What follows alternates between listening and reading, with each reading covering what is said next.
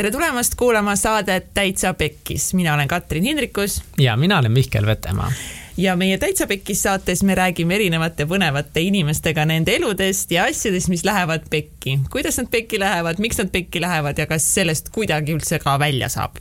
tänases saates on meil külas Jaak Roosaare uh Jaak on siis minu üks kõige suuremaid eeskujusid äh, viimase kolme aasta jooksul vähemalt. Äh, Jaak on nimelt Eesti üks kõige kuulsamaid investoreid või siis väikeinvestoreid. ta on tegelenud investeerimisõpetustega juba väga-väga pikalt, aga oma karjääri alustas ta raamatu müümisega, raamatute müümisega Ameerikas ja ta on sellega tegelenud juba kuusteist aastat, ta on siis ise müünud ja hiljem ka teisi müüjaid kõvasti koolitanud ning sealt ta pani aluse ka väga tugevalt oma suuretamatele investeerimistele nüüd kõige kuulsam ta on võib-olla üldse oma kolme, juba nelja raamatu poolest, mis ta kirjutanud on ja need on siis rikkaks saamise õpiku saagad, mis on minu meelest täiesti must read igale inimesele. et siis rikkaks saamine ei olegi kõige olulisem, aga finants, baasteadmised rahast võiksid olla igalühel ning lisaks on ta täna väga palju tegeleb kinnisvarasse investeerimisega, võlakirjadesse, aktsiatesse, ta teeb koolitusi. ta käib koolides noortele rääkimas investeerimise kohta, ta sellest aastast investeerib ka startup idesse. ja nüüd. eelmisest aastast ja eelmisest aastast, jah, täpselt ja lisaks sellele ta alustas just positsioonil põhimõtteliselt Southwesterni kompanii sellise investeerimisinkubaatori juhina. nii et otsivad ideid, millesse investeerida ja noori ettevõtjaid, peamiselt siis raamatumüüjate seast.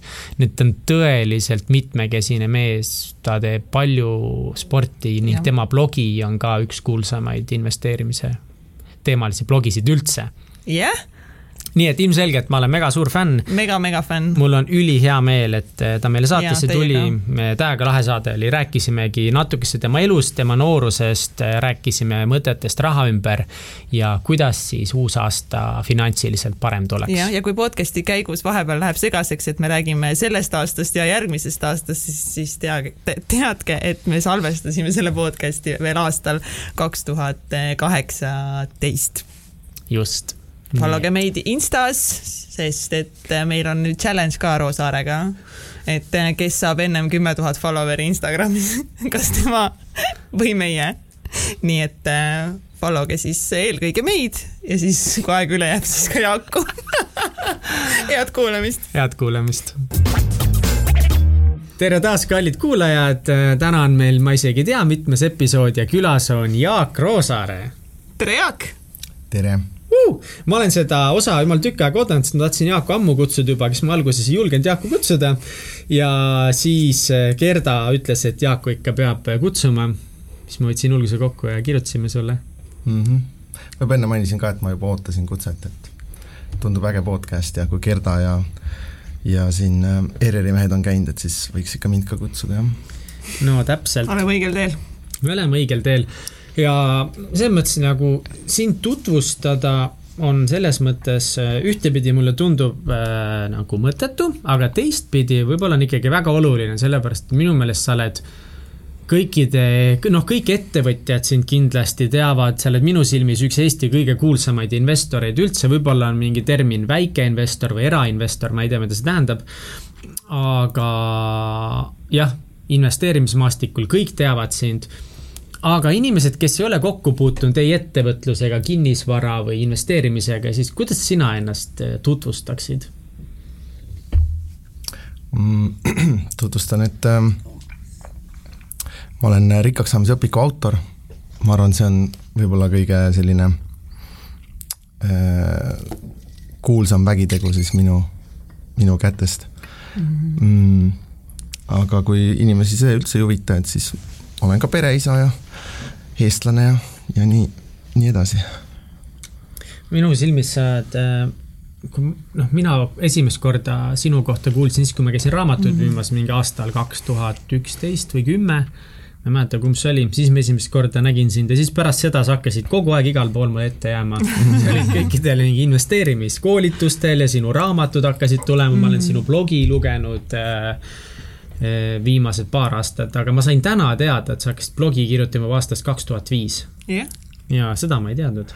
ja see oli teisel aadressil, et äh, see oli blogeri keskkonnas mm. -hmm. Blogspot või Blogger või kumb ta oli, ma ei tea. Blogspot vist jah mm. -hmm. Mm -hmm. ülivinge, kas sul ähm, vahepeal väsid ära ka sellest, et sa igal pool räägid investeerimisest ja ettevõtlusest? Ma tegelikult nii palju ei käi ikkagi rääkimas, nagu mulje on, et võib-olla mingi korra nädalas maksimum. aga ma teen nagu nalja tavaliselt, kui ma käin kuskil rääkimas või keegi küsib, et millest sa räägid, et siis ma ütlen, et täna räägin õnnelikust abielust. ja siis tegelikult ikkagi räägin rahast aga jah, et see on, äh, kipub nii olema, igalühel mingi oma teema on ju, millega teda seostatakse, et mind ei ole mingil muul teemal.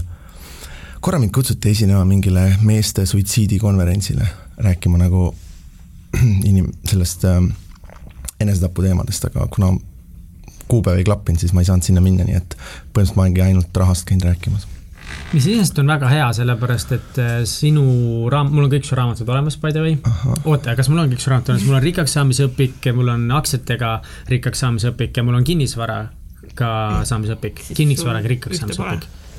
Sul on, mitu sul on? ja mul on üks veel kahasse Mihkel Truumaniga, sihuke lastele, noortele mõeldud ettevõtluse raamat ja, ja seda mul ei ole, aga teised raamatud on hullult head mm. ja mul täiesti juhuslikult eile käis minu elukaaslase Äh, õemees käis meil külas, nad on meist nooremad ja tema nüüd hakkas esimest korda investeerimisega tegelema ja aitasime tal siis esimesed aktsiad osta mm. -hmm. siis Tallinna Kaubamaja ostis, vaatasin, et naine tegeles temaga samal ajal, mu naine on minust veel investeerimises kaugemale jõudnud. Aga yeah. äh, kuidas üldse see kõik sinu jaoks algas? nagu kuida-, kuida-, kust algas see üldse see majanduslik mõtlemine mm,?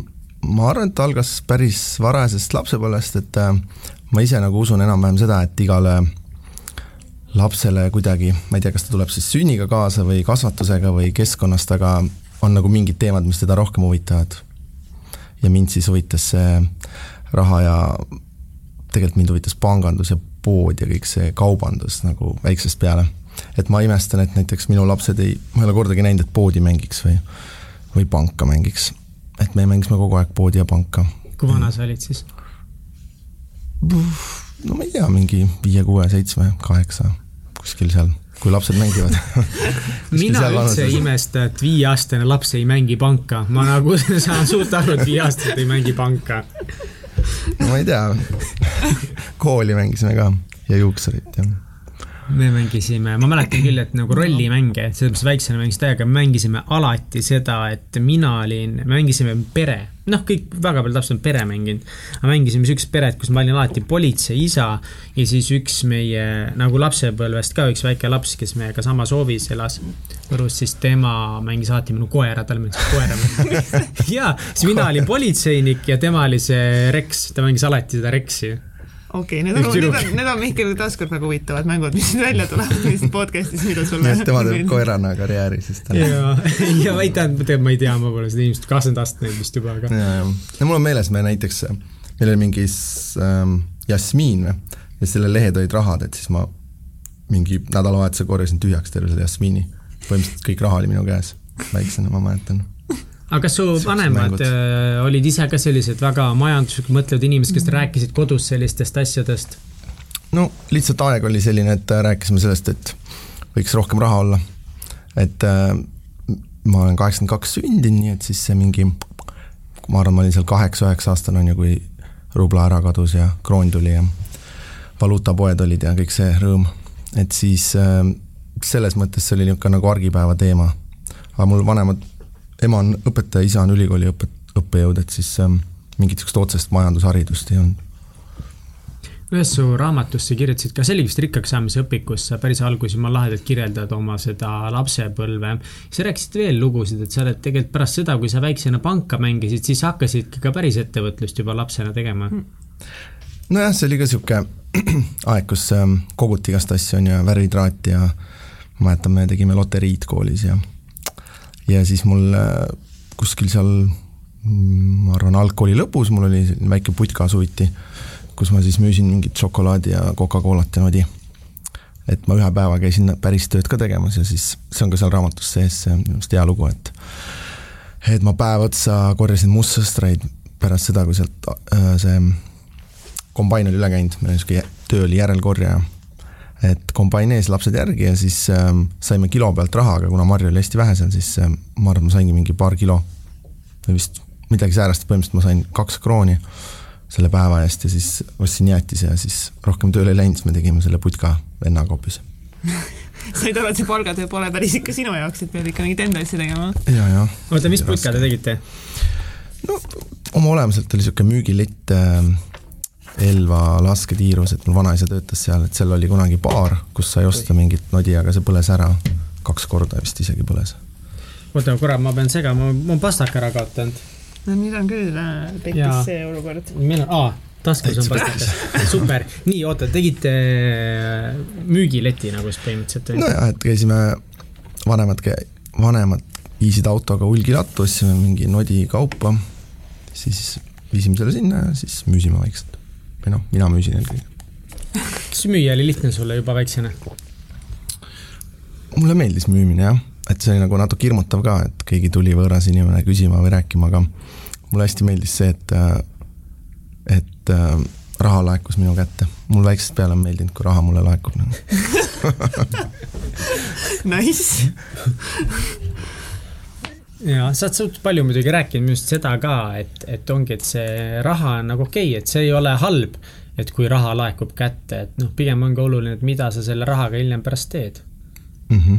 aga kas see soretus on palju meievanustel inimestel võib-olla veel või, või sinuvanustel inimestel eh, seda mingi raha vastu mingit sihukest nagu hirmu või vimma, vimma.? ikka on jah, ma arvan, et võib-olla minuvanustel ja vanematel isegi rohkem kui siis ma eeldan teie vanustel aga ma täpselt vanust ei tea. aga see oligi tegelikult suur põhjus ka, miks mulle see teema meeldis ja kust see raamatu idee nagu alguse sai, et et siis, kui ma USA-s ise raamatuid müüsin, siis ma nägin kõrvalt seda, et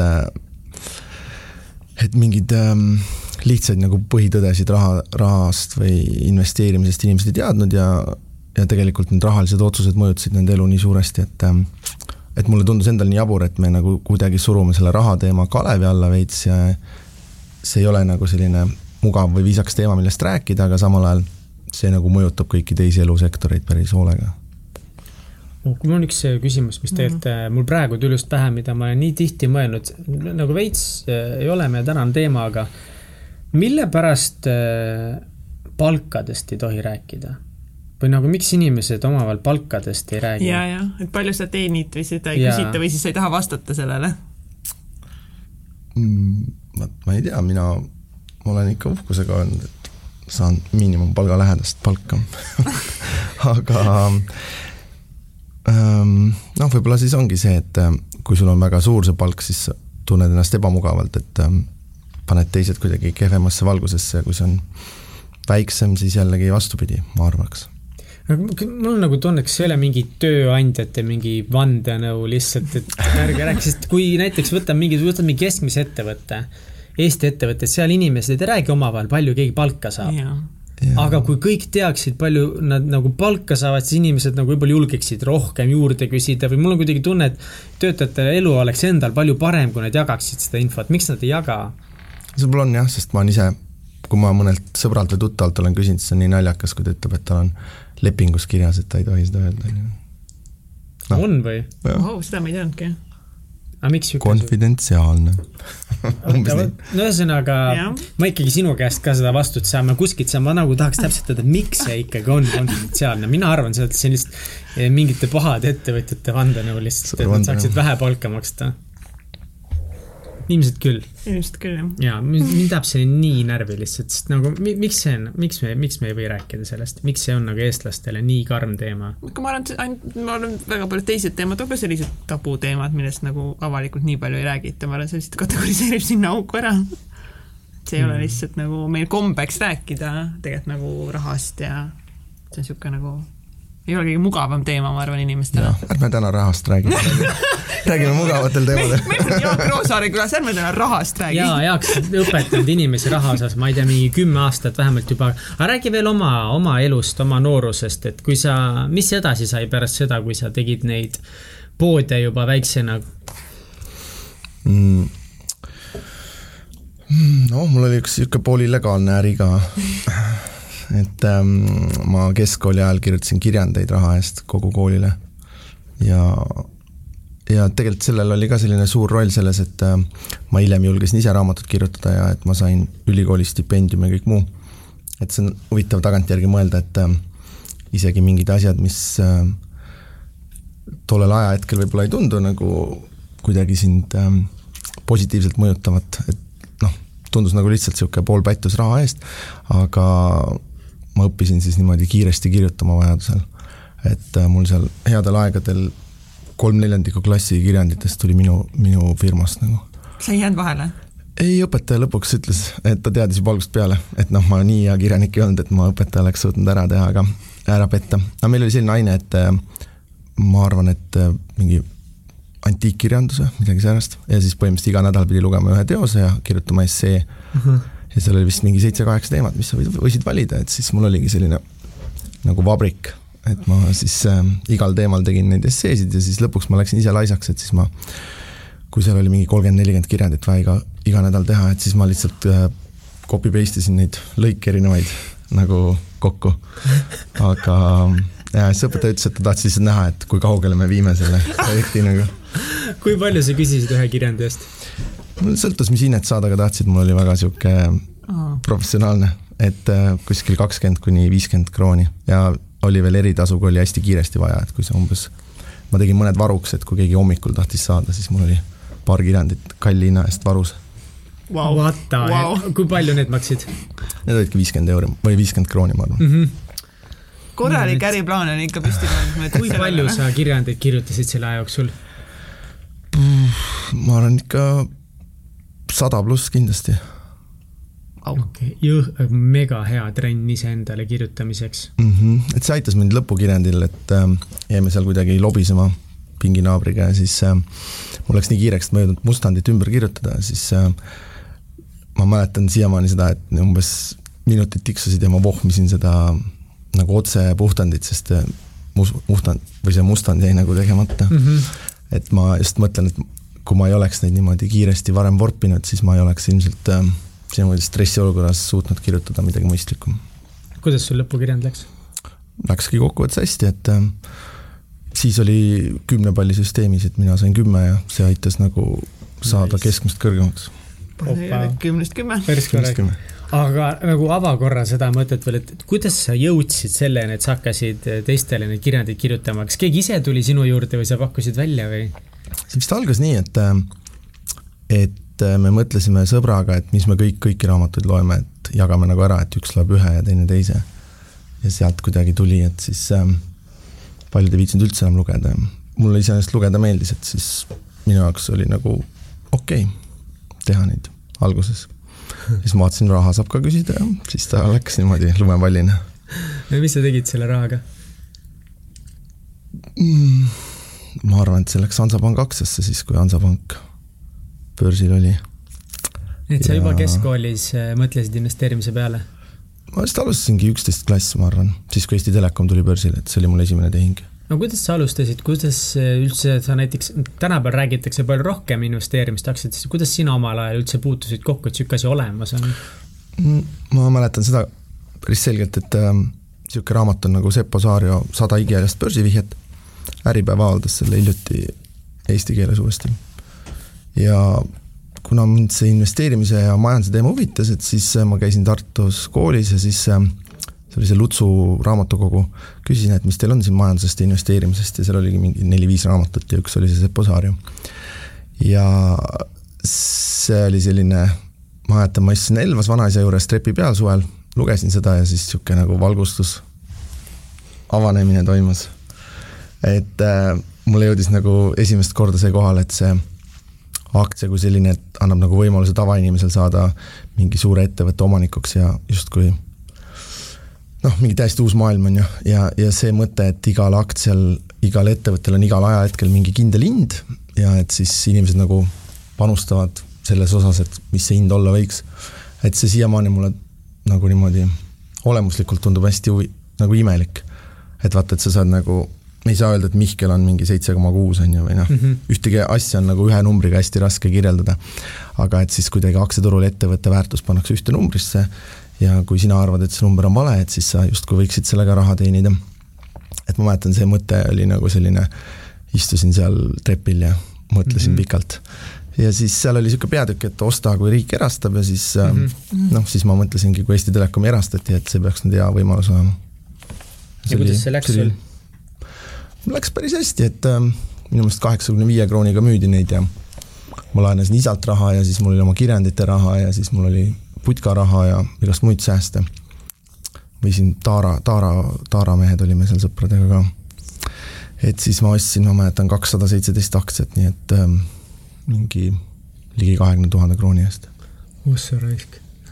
ma väga palju keskkooli lapsi nagu ei tea, kellel oli mingi kakskümmend tuhat krooni lihtsalt võtta. no pool oli, ma arvan, isa oma, et oli. pool oli kuskil minu enda oma. aga isa laenas sulle hea meelega või kas oli raske teda ära rääkida?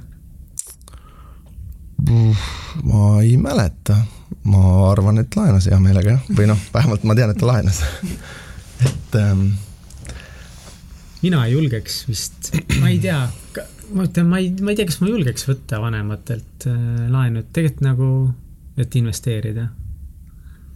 Ta võib-olla võttis seda siis nagu kooli, koolirahana, et isa on mul tegelikult tagantjärgi mõeldes üldse väga selles mõttes nagu oluline äh, suunanäitaja või taganttorki olnud, et tema mis jälle mina arvasin, et kõigil on nii, et kui ma kümne aastane olin, siis ma hakkasin taskuraha saama, ma pidin iga reede isale nagu arveraamatut esitama, et kus oli see kulud-tulud ja et mis selle rahast siis sai.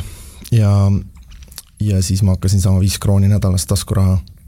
Et, et ma arvan, et ja siis, kuna isa nägi, et mulle nagu see noh, mu vend tegi sama asja, aga temal see üldse kuidagi ei toiminud. et siis isa aitas mul mingi töö juurest mingi arvuti sebida, millega ma oma seda putka raamatupidamist tegin ja et ähm, et mul isa nagu nii minu kui mu vennaga põhimõtteliselt aitas nagu neid suundi edendada, mis neid huvitasid, on ju, et mu venda mingil hetkel huvitasid dinosaurused ja kõrged mäed, et siis mul isa käis temaga matkamas kuskil mägedes ja nii edasi. See on täiega vinge, su isa mängis ikka jumala suurt rolli, siis tegi ta veel mingeid asju, nagu näiteks see, et sundis sul seda arvepidamist tegema mm.? no laenas mulle raha, et telekomi aktsiaid osta. aga ma mäletan, et ta mulle mingi majandusõpiku väiksena kunagi kinkis ja, ja noh, et juhatas mulle seda kirjandust, mis mind huvitas. kuidas sa oma lapsi kasvatad? Nagu, kas sa teed midagi erinevalt, kui sinu vanemad sinuga tegid, võimendad mm. sa mingeid asju?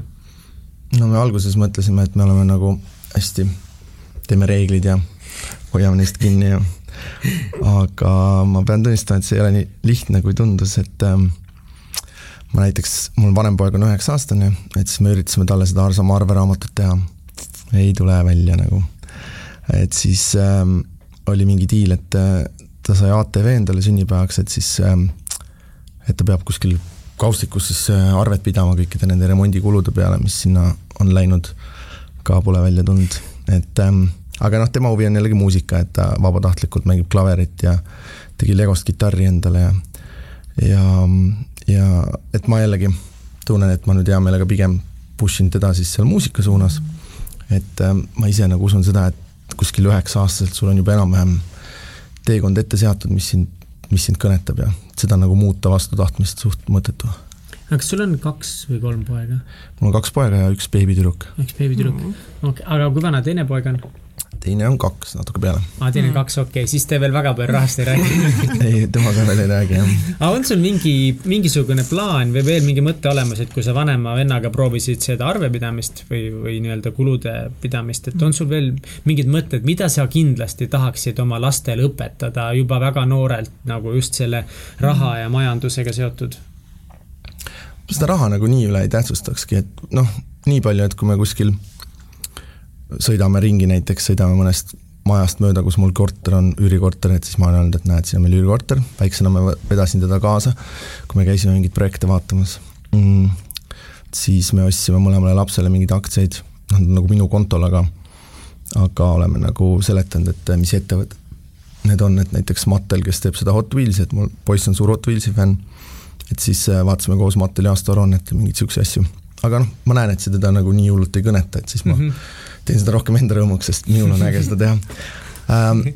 aga, aga mis, mis ei ole otseselt rahaga seotud, aga mis me mõlemad abikaasaga üritame teha, on siis see, et nagu sellist head self-talk'i lastele õpetada või et ähm, ei lase neid nagu ähm, neegida, et tavaliselt hommikuti lapsed kip- või noh, võib-olla mitte kõik lapsed, meie lapsed mm -hmm. kipuvad suht kehvas tujus vahepeal olema, et siis äh, või siis räägivad mingit niisugust, et kõik on halvasti ja teevad niisuguseid üldistusi, et siis me üritame seda nagu tähele panna ei lase niisugust kehva self-talk'i.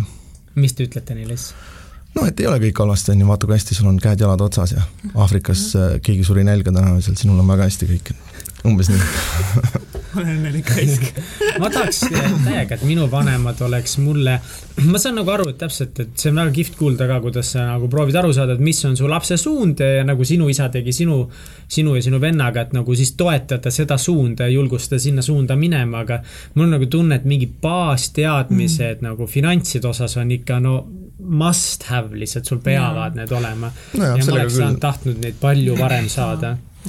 et nii nagu sul võiks olla noh ma ei tea, tervislikust toitumisest või mingites muudes valdkondades baasteadmised, on ju mm. -hmm. et äh, seda küll, jah. ma arvan, et need baasteadmised äh, me ikkagi oleme neile andnud või, või anname, pluss siis nad näevad nagu kõrvalt ka seda. aga, aga jah, et äh, niimoodi vastutahtmist äh, sundida ei ole see nagu väga edukas olnud, me tegime nii palju, et äh, käisime vanema pojaga LHV-s, tegime talle selle äh, lastekonto ja kasvukonto, et nüüd, kui ta kaardiga maksab, siis tal läheb raha SB viiesaja fondi ja noh, ta sai sellest nagu aru, et niisugune asi on. Ja ma nägin seda pilti su blogis, sest ma tegin endale ka kohe selle, mul on ka see mikroinvesteerimise oma ka. et see, noh, üks asi on see, et ma ise nagu panen raha kõrvale, aga see mõte kuidagi mul, et mul ükskõik isegi kui ma ei taha või viitsi seda teha, mul ikka natuke see läheb kõrvale, see mõte on nii hea lihtsalt. aga see ei tööta nii hästi, kui ma arvasin, et, et jah. ja,, et tal istub kümme eurot seal kontol nagu mingi mitu kuud juba öelnud, et mine nüüd osta midagi. nagu ei ole vajadust olnud, siis ja siis ma olen ikkagi murdunud, ma olen ise kandnud otse raha sinna kasvukontole, et aa, et ta lihtsalt ei kasuta oma panka kuna ta ei kuluta, siis mm -hmm. no ja samas tundub nõme nagu öelda, et mine kuluta rohkem, et sul tuleks sääst, on ju, et siis äh, et ja, ja noh, ma tunnen seda, et lapsi on ikka nii palju lihtsam ära hellitada, kui ma arvasin. ma arvasin, et see on nagu ikkagi et need vanemad on ise nagu meganõrgad, kes umbes lastele mingeid suuri asju ostavad mm, -hmm. aga see on lihtsalt niisugune nagu samm-sammuline protsess, et, et ma alati mõtlesin, või noh, ma siiamaani mõtlen, et kui sa vaatad, on ju, et mingid miljardärid ostavad endale laevu ja lennukeid ja et et miks seda kõike vaja on, aga see on täpselt selline samm-sammuline, et sa sellest enne ei saagi aru, kui sa ise seal mm -hmm. samas keskkonnas oled ja siis sulle tundub hästi normaalne see. et siis ähm, ma arvan, et me juba hellitame oma lapsi liiga ära ai, ai, ai, väga halb, ei tohi helitada. mul tuli, enne, mul tuli lihtsalt lambist see mõte, enne rääkisime sellest, et miks inimesed ei taha rahast ja palkadest rääkida, siis see, et me hakkame kohe hinnanguid inimestele andma. nagu kohe, kui ma, ma tean, kui palju sina teenid, kas on palju või vähe, siis ma hakkan kohe sulle hinnanguid andma. ahah, sa teenid viis tuhat eurot kuus, jah? no selge sinuga on nii. Inim, inimesed on, jaa, aga inimesed üldjuhul annavad nagu kohe, kui sa tead, ma ei tea, Jaak, kas sul ei ole niimoodi olnud, et ini, nagu et inimesed eeldavad, et äh, sa oled finantsilist vaba ja rikas, siis tekib sinu kohta kohe mingi nagu mingi arvamus ja rohkem kui nagu tavainimestega versus see, et ma nagu ei, ei tea selle inimese finantsolukorrast midagi. jaa, noh, see on mõnes mõttes ju mõnus, aga et, et ähm, rahaga kindlasti on see, et kui kellelgi on nagu rohkem raha, et siis poogitakse talle külge nagu see mingi mõte, et kas ta on nagu milleski väga hea või, või noh, pluss lihtsalt see avab mingeid uksi, on ju, et sind kutsutakse rohkem, kutsutakse podcast'i tegema, on ju. Mhm. või noh, see ei pea ainult raha olema, see võib mingi muu ka olla, et sul on mm -hmm. mingi mhm. kuulsus või ma ei tea, mingi hea füüsiline vorm või mis iganes. aga raha on nagu kõige niisugune universaalsem, et seda sa saad vahetada peaaegu kõige muu vastu, et et et kui üldse midagi koguda, minu arust raha on kõige parem asi, mida koguda.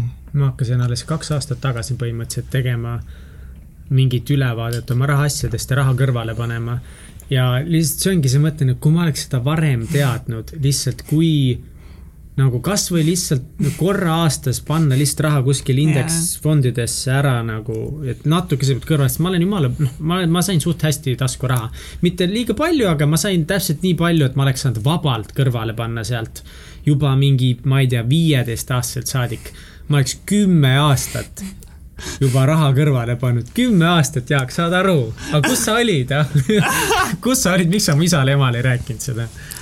noh, vähemalt tänased isad-emad loevad siis seda rikkaks saamise õpikut ja. ja, aga üks asi, mis tahtsin veel öelda no., kui me enne just rääkisime LHV mikroinvesteerimisest, siis neil oli mingi kampaania, et, et kellel kõige rohkem läheb mingi nädal kõrvale, ma võitsin selle ju. aa, võitsid jah? jaa, ma ühe, üks nädal võitsin. siis sa niimoodi... kulutasid kõige rohkem siis jah? hästi käisin... palju väikseid osti. jaa, ma käisin Edinburgh'is ja siis mm. sinna minekul palju seal kohapeal, palju igal pool maksin kaardiga ja tõesti see nädalavahetus oli väga palju kaardimakseid mul ja siis äh, mingi esmaspäeval või teisipäeval midagi siukest, mingi mees helistab, tere, et helistan LHV pangast, et, et palju õnne, et võitsite selle mikroinvesteerimise mängu, ma mingi, mis asja, mille? nädala tarbija. ja see oligi, ma olin, ma mingi nädala tarbija umbes. ja siis ütlesid, et jaa, et palju õnne, et, et võitsite selle, et me omalt poolt paneme sama palju. Ja mul vist läks kakskümmend viis euri läks vist äh, nendest mikro, mikrosummadest sai kokku mm. -hmm. ja see oli kõige suurem summa see nädal ja siis nad panid ise kakskümmend viis euri juurde veel. aga siis ma lugesin pärast nagu läksin sinna LHV kodulehele, et okei okay,, mis pagana mäng see on, et ma midagi ma ei olnud kuulnud sellest. ja siis ma lugesin sealt valesti, et võitjad saavad raamatu ka Mm -hmm. tegelikult oli vist see raamat nendele, kes ei võida midagi, siis ma kirjutasin sinna, et kus mu raamat on. sellepärast, et see raamat oli see Benjamin Graham äh, intelligentne investor ja ma olin seda nii tükk aega tahtnud, see maksab poes nelikümmend kaheksa eurot mm. -hmm. või midagi siukest mm. -hmm. ja siis ma, siis nad kirjutasid mulle vastu, et äh, aa, no hea küll, et kui sa ikka väga tahad, et siis sa saad. aa, no vapsi. siis ma sain selle. said nii raha kui raamat, jah? no näed, tasub küsida alati. aga lähme tagasi sinu nooruspõlve peale, milline sa keskkoolis olid uh,? Mm, ma üritasin hästi aktiivne olla, käisime igasugustel noortevahetustel, siis mul oli selline huvitav äh, aeg, et ma olin äh, ühe noorteorganisatsiooni liige, mis siis propageeris äh, minu jaoks eelkõige mitte suitsetamist, aga ka mitte narkootikume ja mitte alkoholi, et siis ma käisin näiteks Miina Härma gümnaasiumis üheteistkümnendale klassile loengut pidamas, kuidas ei tohi narkootikume teha. ja, ja siis ma olin koolilehes ja mis seal veel oli, igast mingeid projekte, et ähm, üritasin siis äh, aega kasulikult rakendada. miks, miks sa seda kõike tegid?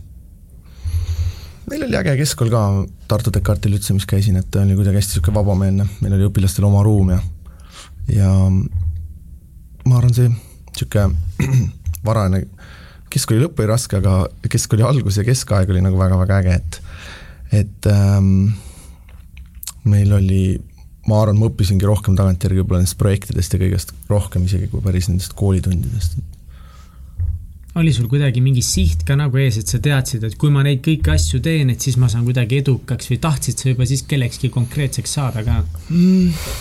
päris alguses, või no ma tahtsin väiksest peale pankuriks saada, on ju et ja pangaomanikuks, et äh, aga kuskil keskkooli keskel mul tekkis nagu niisugune kinnisidee, et ma pean minema Riiga sinna Stockholmi majanduskooli õppima. siis ma käisin äh, ma põhimõtteliselt mängisin, nagu ma juba õpin seal, et ma tõmbasin kõik nende öö, ajalehed alla, lugesin seda ja kujutasin ette, kuidas ma seal juba uhkelt majandust õpin Baltikumi parimate peadega koos. aga siis ma ei saanud sisse sinna ja siis mul elu kukkus kokku. räägi sellest mm.. kuidas see, kuidas see kandideerimine sinna käis? seal oli vist äh, ma arvan, et mingi mitu vooru, et esimene voor oli vist mingi essee ja avaldus ja siis siis oli, äh, olidki mingi matemaatika, inglise keele ja loogika eksam vist või, ma arvan, et midagi säärast. ja ma arvasin, et ma olen nagu päris hea kõiges nendes kolmes. aga teised olid siis veel paremad, et ma, ma arvan, sinna sai vist sada, sada õpilast sisse üle Baltikumi ja ma kõige parem, mis mul oli, oli, oli matemaatika, ma arvan, ma olin mingi neljasajas mm.. et äh, või oli vist vastupidi, et inglise keeles oli neljasajas ja matemaatikas oli mingi tuhande ühesaja millegi ja seal IQ testis ma jooksin üldse kinni, et ja siis ma nagu esimest korda tundsin, et ma ei ole üldse hea ja see oli sihuke, mõtlesin, et mis nüüd siis üldse saab. no kuidas sa hakkama said selle mõttega? no siis äh, samal ajal ma kukkusin autojuhi eksamid läbi kaks korda, siis ma vaatasin, sellega ka hästi ei lähe. siis oligi sihuke täitsa pekkis olukord mm. -hmm. ja siis ma läksin nagu ma kuidagi süüdistasin oma ema ja vanemaid jällegi selles, et mul nii halvasti läheb mm,. ja siis ma lihtsalt mäletan seda, et see keskkooli lõpp ja siis, kui ma tegin need riigieksamid ka ära, seesama kirjand läks, noh, tundus, et läks pekki, on ju, et ma ei jõudnud nagu poolt mustandit ümber kirjutada. ja mat-, matjaeksamis ka ei olnud nagu väga head tunnet, et siis äh, oligi korraks niisugune tunne, et äh, ei olegi nagu kuhugi minna, et, et noh, ma tegelikult keskkoolis olin ikkagi suhteliselt hea õpilane ja õpetajad ikkagi vihjasid, et mul on suur tulevik ja läheb hästi ja nii. aga et siis kuidagi tundus, et midagi ei lähe hästi. kuidas see väljendus, et sa natuke süüdistasid oma ema ja isa selles mm.? noh, ma mäletan, et ma ütlesin oma emale, et sa oled mulle halvad geenid andnud. et see on suhteliselt karm asi, ma arvan, mida üks laps saab oma vanematele öelda et ähm, sest mul emaga ei saanud autoga sõita ja siis ma mõtlesin, et ma ei tea, miks, aga et see on geneetiline ebakindlus autoroolis ähm,. et väga uhke ei ole selle üle, on ju ähm,. aga no see on vist lihtsalt tagantjärgi mõeldes mingi sihuke puberteediaeg on ju, kus tundub, et maailm on sinu vastu veidikene. et kui ma käin keskkooliõpilastele rääkimas, siis ma connect in sellega väga hästi, et et ma lohutan neid, et elu läheb ägedamaks, et ma arvan, et paljudel on seal keskkooli ajal niisugused ähm, ütleme, et armuelu ei olnud ka kõige parem veel lisaks kõigele, nii et siis, et meil olid mingid suhtekolmnurgad, kus need, kes, kes mulle meeldisid, meeldisid minu sõbrale ja minu sõbrale jällegi meeldis keegi, kes, kes äh, omakorda talle ei meeldinud ja nii edasi. et siis äh, paned selle ka veel kompotti sinna ja siis oligi niisugune keeruline aeg ja kuidas sa, mida sa tegid selle keerulise aeg, kas sa kodus lihtsalt mõtlesid selle peale või sa proovisid leida mingit aktiivset väljundit ka sellele kõigele või mingit, mingit lootust selle nukra seisu raviks? Sest ma ei tea, kas ta, see nii-öelda igas hetkes oli nii nukker, et võib-olla ma enda nagu mõelnud, et mingi raske aeg peab igalühel ju olema, et siis Ikka. jah, aga hmm, noh, tegelikult äh, lõpuks nagu läks kõik hästi, et ma sain ikkagi oma load tehtud ja siis selgus, et eksami tulemused olid väga head, siis ma sain ikkagi stipendiumi. Läksin EBS-i Tallinnasse õppima. mõtlesin ümber, et ma ei tahtnudki sinna Riiga minna, noh. müüsid endale uue idee maha. müüsin idee maha, et Tallinn on ka väga äge. ja jah, et siis vaikselt sealt nagu niimoodi kaasin välja, aga pff, ma nagu ei mäleta, et mul mingi hull asendustegevus oleks olnud, et äh, noh, oligi tegelikult seal kuni keskkooli lõpuni välja, ma olin seal kooli omavalitsuses ja mingites noorte organisatsioonides ja et see võttis ikkagi aega ja energiat ära. jaa mm. see, ma nagu tegelikult täiega suhestun selle mõttega, kui ma olen ka oma vanemaid süüdistanud omaenda mittetegemistes ja saamatuses aga ma, mul tuli see natukese hiljem, kuna noh, ma ka, no ma koolis, mina olin hästi kehv õpilane. ja ma tegin no ma hästi palju küll tegin seda igasuguseid õpilasomavalitsusi mm., aktivist ma alati olnud ilge, aga ma õppisin väga halvasti, ma üldse ei õppinud, ma ei käinud kooliski vahepeal. ja ja siis ähm,, aga see ei huvitanud mind, ma ei hoolinud sellest ja mul oli savi, et ma läksin reklaami õppima, vanemad tampisid kinni selle mm. kuskile mujale sisse ei saanud, ma nagu ei tahtnud ka saada, ma tol hetkel ei osanud nagu seda ka aru saada, et kui tore tegelikult see on, et ma ülikoolis olen, ülikoolis ma ka ei õppinud, aga ilgelt lahe oli, nalja sai. ja mingi hetk, kui ma tahtsin asju õppima hakata, noh, see oli juba ülikooli võib-olla kolmas aasta, isegi mingeid muid asju, kui ma järsku avastasin, et minu õpivõime on saanud äh, pöördumatult vigastada sellest, et ma viimased kümme aastat ei ole ühtegi kodutööd teinud, ma ei ole midagi õppinud. Ja siis ma nagu sain aru, et kui raske on midagi õppides, ma hakkasin nagu süüdistama ema ja isa, et mingid, mida nad lasid mul umbes nagu lapsena mingi yeah. mitte kodutööd teha, sest mingi hetk nad kontrollisid ja siis nad enam nagu ei jõudnud, ma nüüd sain vanemaks ja neil oli asju teha. ja ma olin nagu täiega mingi, ah see on nende süü, et nad ise kasvatasid mind kuidagi nii ja naa ja lõdvalt umbes ja nii ja ja ma olen emaga rääkinud sellest ja ta on nagu umbes öelnud ka, et no vabandust, ma tegin nagu parimat, mis ma oskasin, siis ma mingi ei, tegelikult kõik on jumala hästi, et te olete mega hästi kasvatanud ja. Aga jah, see vastutuse võtmine oma tegudest mõnikord on, on kuidagi keeruline. raske jah. ja me abikaasaga naerame, et meil kummalgi ei olnud nagu sellist puberteedi raskusi, aga lihtsalt mingil ajal mõlema vanemad läksid hästi nõmedaks ei mingit probleemi, lihtsalt vanemad sakivad ja maailm on ka imelik umbes nii. Kuidas sa raamatuid müüma sattusid? Ma siis läksin Tallinnasse EBS-i õppima ja esimesel kursusel äh, ma töötasin Pricewaterhouse'is. Ja aga ma kuulsin sellest raamatumüügist juba siis, et ähm, see oligi esimene aasta, kui Eestis niisugune suurem rahvapunt läks müüma, kaks tuhat üks. ja ma käisin seal äh, infotunnil ka ära, täitsin selle avalduse ankeedi ära. Ja siis keegi küsis sealt publikust, see oli niisugune suur audit või noh, aulaloeng, keegi küsis, et kus te seal elate seal Ameerikas ja siis see, kes presenteeris, see nagu hakkas hämama seal midagi, et äh, umbes, et ise valite ja mingid host family'd ja kirikust käite küsimas ja, ja siis see tundus selline, et okei okay. siis ma võtsin selle lehe ja panin tasku, läksin minema sealt, et mul on see leht alles, see on niisugune sümboolne mälestus. Mm, ja siis, ähm, siis too aasta ma suvel käisin hoopis reisimas Euroopas ähm, oma keskkooliaegse pinginaabriga, et siis me mm, hääletasime Barcelonani välja ja kuskil Šveitsis käisime ära ja et oli niisugune väga äge seiklussuvi ja siis seal reisi käigus ma vaatasin, et oligi nii, et inimesed ise pakkusid majutust ja nagu ei teadnud, kus sa öösel oled ja mm., ja sai nagu hakkama, et ma sain hästi palju julgust juurde sellest. sest kui ma tulin Tallinnasse, siis oli ka naljakas, aga ma näiteks äh, põhimõtteliselt terve esimese aasta ei julgenud Tallinnas bussi või ühistranspordiga sõita, et ma käisin, ma elasin äh, taga Kristiines, peaaegu Mustaka juures ja ma käisin iga päev jala kooli nagu, sest kuidagi keeruline tundus see Tallinna bussisüsteem kaua sa kõndisid siis kooli ja noh? ma ei tea, mingi nelikümmend viis minutit wow., midagi säärast. peab ikka tahad minema. ja, jah, et, et ma olen tajunud praegu ka, et mulle nagu uuendused on väga rasked, et ähm, et äh, jaa, et ühesõnaga ma üritasin näiteks äh, päris pikalt läbi ajada nii, et mul oli klahvidega telefon ja iPod, et neid nagu, olin väga nagu, tundus loogiline, et ühes, ühega helistad, teisega teed pilti ja kuulad muusikat ja äh,. aga noh, see selleks ja siis äh, ja siis järgmisel aastal äh, mul üks vanem kurs- või üks poiss, kes on minust aasta vanem, tema oli siis käinud selle ühe suve müümas ja siis tema värbas minu klass või kursaja, kes oli mul hea sõbranna.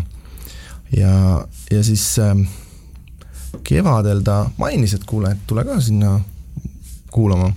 see oli iseenesest lahe lugu, kuidas ma siia sattusin, sest et äh, midagi lahedat, et äh, mul põhimõtteliselt kõik elus ja see on nagu irooniline, sest ma olin pikalt seal nii-öelda Karskusliidu esineja, aga mul kõik tähtsamad asjad elus on juhtunud purjus peaga, et eh, et et siis oli nii, et mul oli sünnipäev ja, ja järgmine päev ma pidin äh, bussi peale minema, aga ma jäin bussist maha, sest ma olin nagu suhteliselt veel nii-öelda pidune.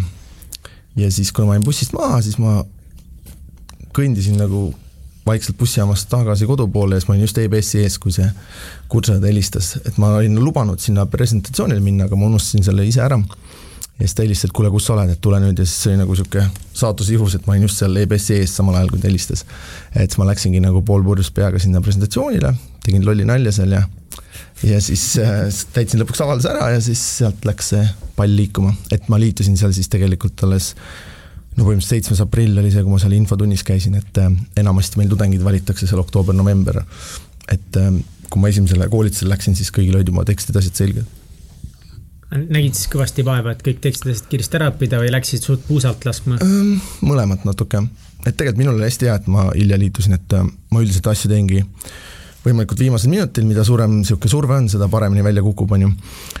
et siis sellega oli natuke sama, aga teisalt ma ikkagi läksin vist natuke mütsiga lööma ka, sest ma mäletan, et seal äh, alguses esimesed paar päeva oli nagu noh, ikka üle ootuste raske, et ma arvasin nagu, et kergem on. aga miks sa läksid üldse?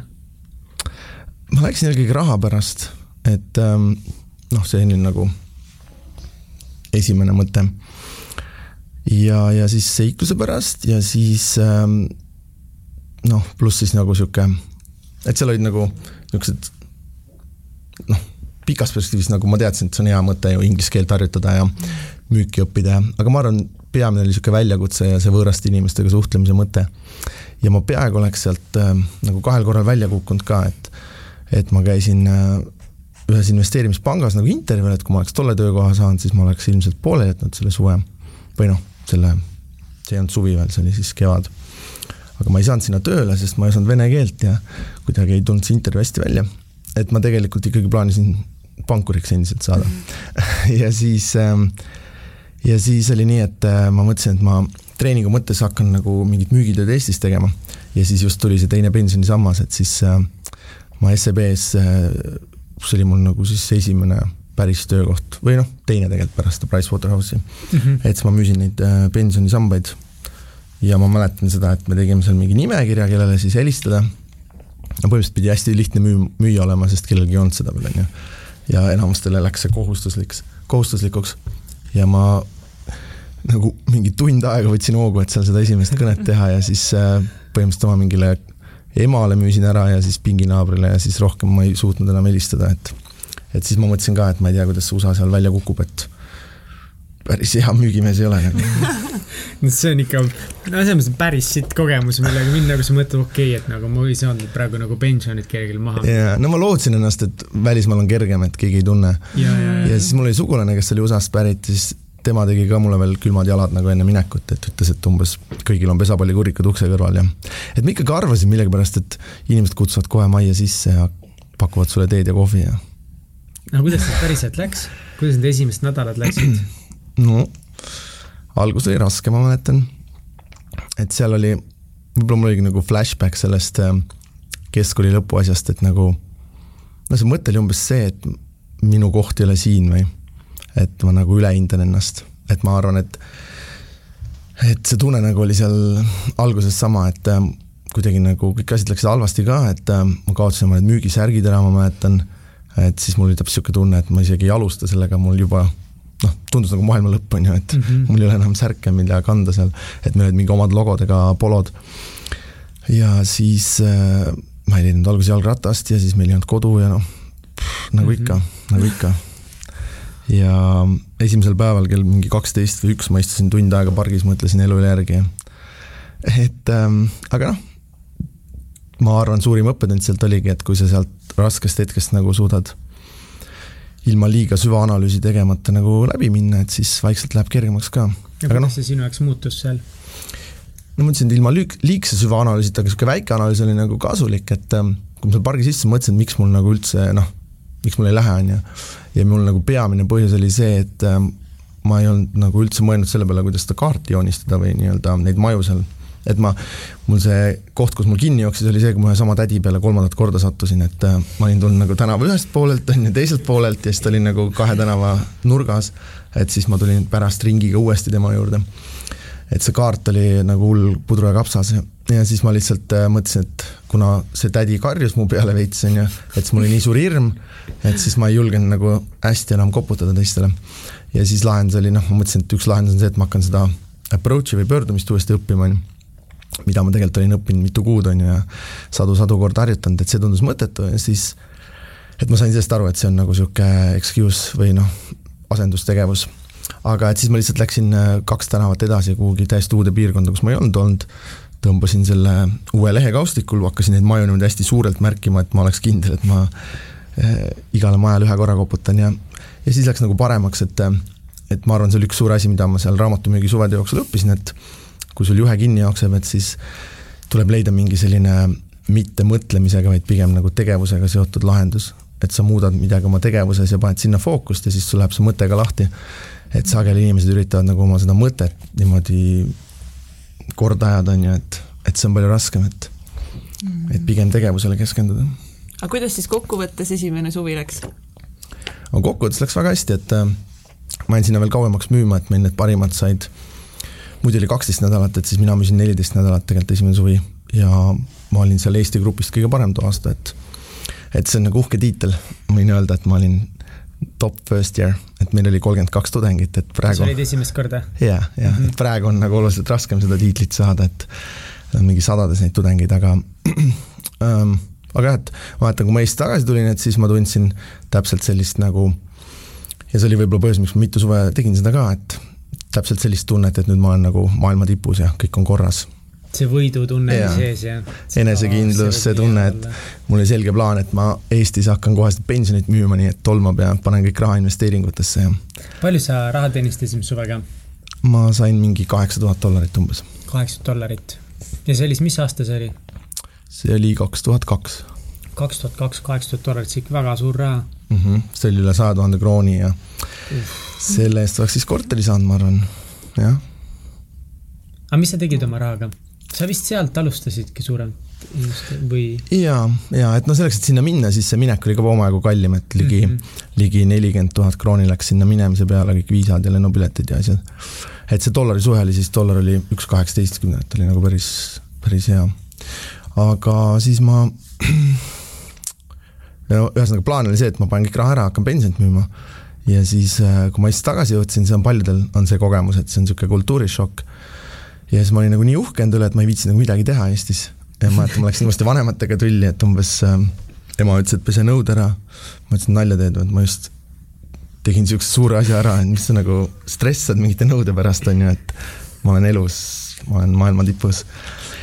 ja, ja siis ähm, läks see nagu schedule või rütm läks nagu suht käest ära et ma mingi neli-viis suve mm, nägin vaeva sellega, et kuidas nagu Eestisse sulanduda uuesti pärast seda suve. et siis ma tegelikult mm. kuhugi, kuhugi tööle ei läinud ja siis pigem hakkasingi seda oma tiimi ehitama, et äh, mulle meeldis see, mul oli nagu paar sõpra, kes tahtsid tulla minuga koos ja siis äh, noh, siis ma hakkasin neid juhendama, mul oli kokku üksteist inimest lõpuks tiimis, et siis see võttis kõik aja ära, et ja ma arvan, et see teine suvi Ameerikas oli üks ägedamaid kokkuvõttes. teine mm? -hmm. miks see oli ägedam? et siis oligi mul enda meeskond kaasas noh, ta algas nagu naljakalt, et mul esimese suve lõpus oli niisugune autoõnnetus seal, mis ei olnudki nagu päris õnnetus, ta oli nagu rohkem ähm, noh, mina sain sealt nagu endale selle court case'i või mis see eesti keeles on, et ma olen nagu mugshot.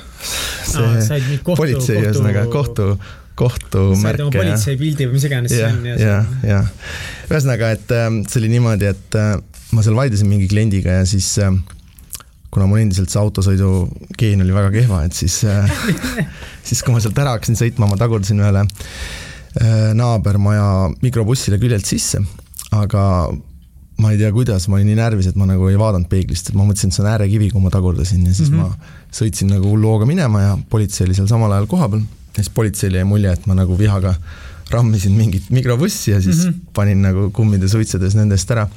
ja siis nad ajasid mind taga nagu ja jällegi ma ei tea, miks ma olin nii närvis, et ma ei vaadanud peeglisse, et mul vilkurid taga on, on ju, et ma sõht, palju sõitsin neil eest ära. ja siis jäi mulje, et ma tegin nagu sellist, inglise keeles on hit and run, et sa sõidad millegi otsa ja siis üritad politseist ära põgeneda, et, et mind pandi raudu seal politseiautos ja USA politseist ei ole hea mõte ära sõita. et see oli suht tekkis olukord, ma mäletan, et ma olin seal käeraudadega seal politseiauto taga ja siis nad küsisin, et what's gonna happen, what's gonna happen, siis sihuke tüüp tegi selle luugi lahti, seal on see võre või mm -hmm. vahel, ütles, et you gonna go to jail. siis tegi pausi for a long time ja siis pani selle kinni nagu. ja siis, siis ma mäletan, et siis mul tuli sihuke rahunemise ja vabanemise tunne, ma mõtlesin, et mingit surmanuhtlust ei tulegi, et kõige hullemal, kõige hullemal juhul ma olen lihtsalt USA vanglas natuke aega ah, see ongi hull juhus. see ongi. see on huvitav, et kui sa oled nagu nii üle mõelnud või noh, nii närvis on ju, et siis nagu rahuned maha, et äh, aga jah, meil oli hästi advokaat seal firmas, et see advokaat suutis selgeks teha, et, et reaalselt oligi noor entrepreneur post-Soviet Unionist, kes Ameerikas õppis, see oli ikka väga uhke kiri, mis kirjutati minust kuidas ikkagi scholarship'id ja värk-särk. et, et siis põhimõtteliselt see case nagu dismiss iti ära, et mul ei olnud mingit ähm, ma maksin sada dollarit seda bail, baili, et sealt vanglast välja saada, et selle raha sain ka tagasi. aga et siiamaani, kui ma USA-sse sõidan, mind piiris võetakse sinna lisakontrolli alati, et ma pean arvestama, mingi kolm-neli tundi läheb iga kord. päriselt või? ja, ja, et Ongi see, nii. see on nagu elu lõpuni sul. elu lõpuni, see ei aegu kuidagi ära mm? -mm. või noh, vähemalt kuueteist aastaga pole aegunud veel wow. oh my god. elu lõpuni jääb hauntima jaa. mis sa arvad, kui palju raha sa kokku raamatumüügiga teeninud oled? Mm, no meil on seal kahetine see sissetulek, et ähm, et üks pool on see, mis sa oma müügist saad, teine pool on see, mis sa teiste juhendamise ja ja treenimisest saad. et ma ise, meil on mingi auhind nagu niisugune diplom, mille sa saad siis, kui sa vähemalt kolmkümmend tuhat ühikut oled ise müünud ja ma sain selle mingi eelviimasel aastal, ma arvutasin kokku, ma olen ligi vist kolmkümmend viis tuhat ühikut ise müünud. ja iga ühiku pealt me saime seitse dollarit, nii et mingi kakssada, kakssada paarkümmend tuhat dollarit oli see, mis ma seitsme suvega seal suutsin ise müüa raamatuid aga noh, sealt läksid siis elamiskulud, asjad maha. ja siis äh, ma töötasin äh, müügijuhina seal kokku vist seitse või kaheksa aastat, et siis äh, noh, siis ta oli natuke teistmoodi, et ta ei olnud otseselt minu sissetulek, vaid minu ettevõte siis osutas seda mingit äh, juhendamis- ja asjateenust. aga seal parimatel aastatel ma arvan, ma teenisin sada pluss tuhat nagu sellest äh, nii-öelda treenimisest ja müügijuhtimisest. täiega äge, väga lahe no.. okei okay.. aga palkadest ei, muidugi ei ole ilus küsida on küll, mul on, I don't care. ja Jaak vähemalt vastab ka, vaata tal on summad teada kohe, tulevad graafikud lahti ja tabelid ja. tussutamist. jah -hmm., absoluutselt jah. aga millega sa praegu siis kõige rohkem tegeled mm,? Noh, antud ajahetkel ma kõige rohkem tegelen rattasõiduga, et mul on selline äh, eesmärk mitu-mitu aastat olnud, et kümme tuhat kilomeetrit aastas ära sõita. ma üks aasta jõudsin seitsme poole tuhandene, üks aasta jõudsin kaheksa tuhandene. ja siis praegu on meil, nüüd on vist see, ilmub jaanuaris on ju, nii et mul on juba see kümme tuhat sõidetud selleks ajaks, kui see podcast laivi läheb, aga me salvestame seda kaks päeva enne vana aasta lõppu ja ma täna just veel kuuskümmend kiltsa tegin enne, nii et mul on, mul on mingi kaheksakümmend neli kiltsa jäänud sõita veel ja see on kümme tuhat kilomeetrit aastas. miks sa teed seda? ma ei tea, see sai, see sai nagu kirja pandud, siis tuleb enam-vähem ära teha, kui kirjas on. et ma praegu teen seda selle mõttega, et ma rohkem ei taha ükski aasta seda kümmet tuhandet püüdma minna et äh, ma ei kavatse murduda siin lõpus. palju siis päevas peaks siis sõitma, et aastas kümme tuhat ära mm,? mingi umbes kolmkümmend päevast tuleb, natuke vähem. kolmkümmend kilti päevas? jaa, aga noh, päris iga päev ikka ei sõida, et et ähm, eelmistel kordadel oligi see, et ma olin nagu kuni sügiseni graafikus, aga ma alati kippusin oktoobris haigeks jääma, et siis tuli mingi nädal-kaks auku sisse ja noh, siis läheb nagu suuremaks see, mis sa pead sõitma iga päev, on ju, et siis kaob nagu mott ära. teine eesmärk oli mul veel, ma tahtsin iga, iga päev teha ühe kätekõrse rohkem kui, kui eelmine päev, et ma hakkasin nagu, eelmine aasta olime Balil aastavahetusel, siis hakkasin seal esimesel jaanuaril tegin ühe kätekõverse, olin maru rahul ja, ja siis kuskil mingi juulini või juuni lõpuni ma pidasin vastu. ja siis, äh, siis oli nii, et ma ei tahtnud hommikul enam üles tõusta, mul oli see äng, et täna peab tegema mingi kakssada kätekordust. et siis nüüd ma järgmine aasta mõtlesin, ma teen nii, et ma teen, ma teen nagu ühest saja kaheksakümneni ja siis alla tagasi, et sul on nagu mingi vähe mängi, et ei ole seda tunnet, et sa kuskil varsti hakkad kolmsada tegema, on ju. jaa, see on huvitav, et sa ütled, sest tegelikult äh, tõesti nende eesmärkide asjade tegemisega, et noh, on kõik suured eesmärgid on nagu super, aga kui need eesmärgid lõpuks ikka takistavad sul nii-öelda noh, mõnes mõttes nagu kuidagi elamist või, või see ongi see, et sa ei taha üles tõusta selle eesmärgi pärast, vastupidiselt, et see on eesmärk, mille pärast sa tahad üles tulla, siis tuleb asjad ümber mõelda. ma olen sama asja proovinud, aga ma jõudsin kuuekümneni ja siis ma mm. rohkem viitsinud teha millegipärast aga oota, kas sa ütlesid reaalselt siis nagu tegid jutti või tegid multiseeriatega või? ma tegin vist viiekümnest ja neljakümneste seeriatena, aga mul oligi nii, et me olime Floridas suvel ja samal ajal mul oli rattaga kõvasti sõitmas vaja käia. et seal oli nagu, mul oli ratas renditud nädalaks, et ma üritasin maksimeerida neid kilomeetreid seal. ja siis oligi nii, et ma tundsin, mul nagu õlg hakkas valutama sellest kätekõversest ja siis ma nagu endale müüsin idee maha, et okei okay,, keskendume rattale, et las need kätekõversed jäävad siis mm. -hmm. et ma tundsin, et ma nagu mõlemat hästi ei saa teha, et mm -hmm.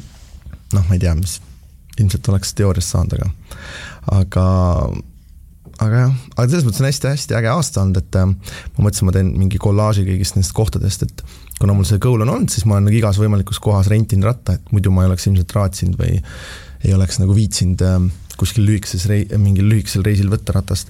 aga ma olen jah nagu mingi Türgis, äh, Maltal, Küprosel, e, Floridas, Colorados, igal pool nagu rattaga käinud sõitmas ja hullult äge on olnud, et ma arvan, et see aasta on kõige ägedam aasta olnud siiamaani.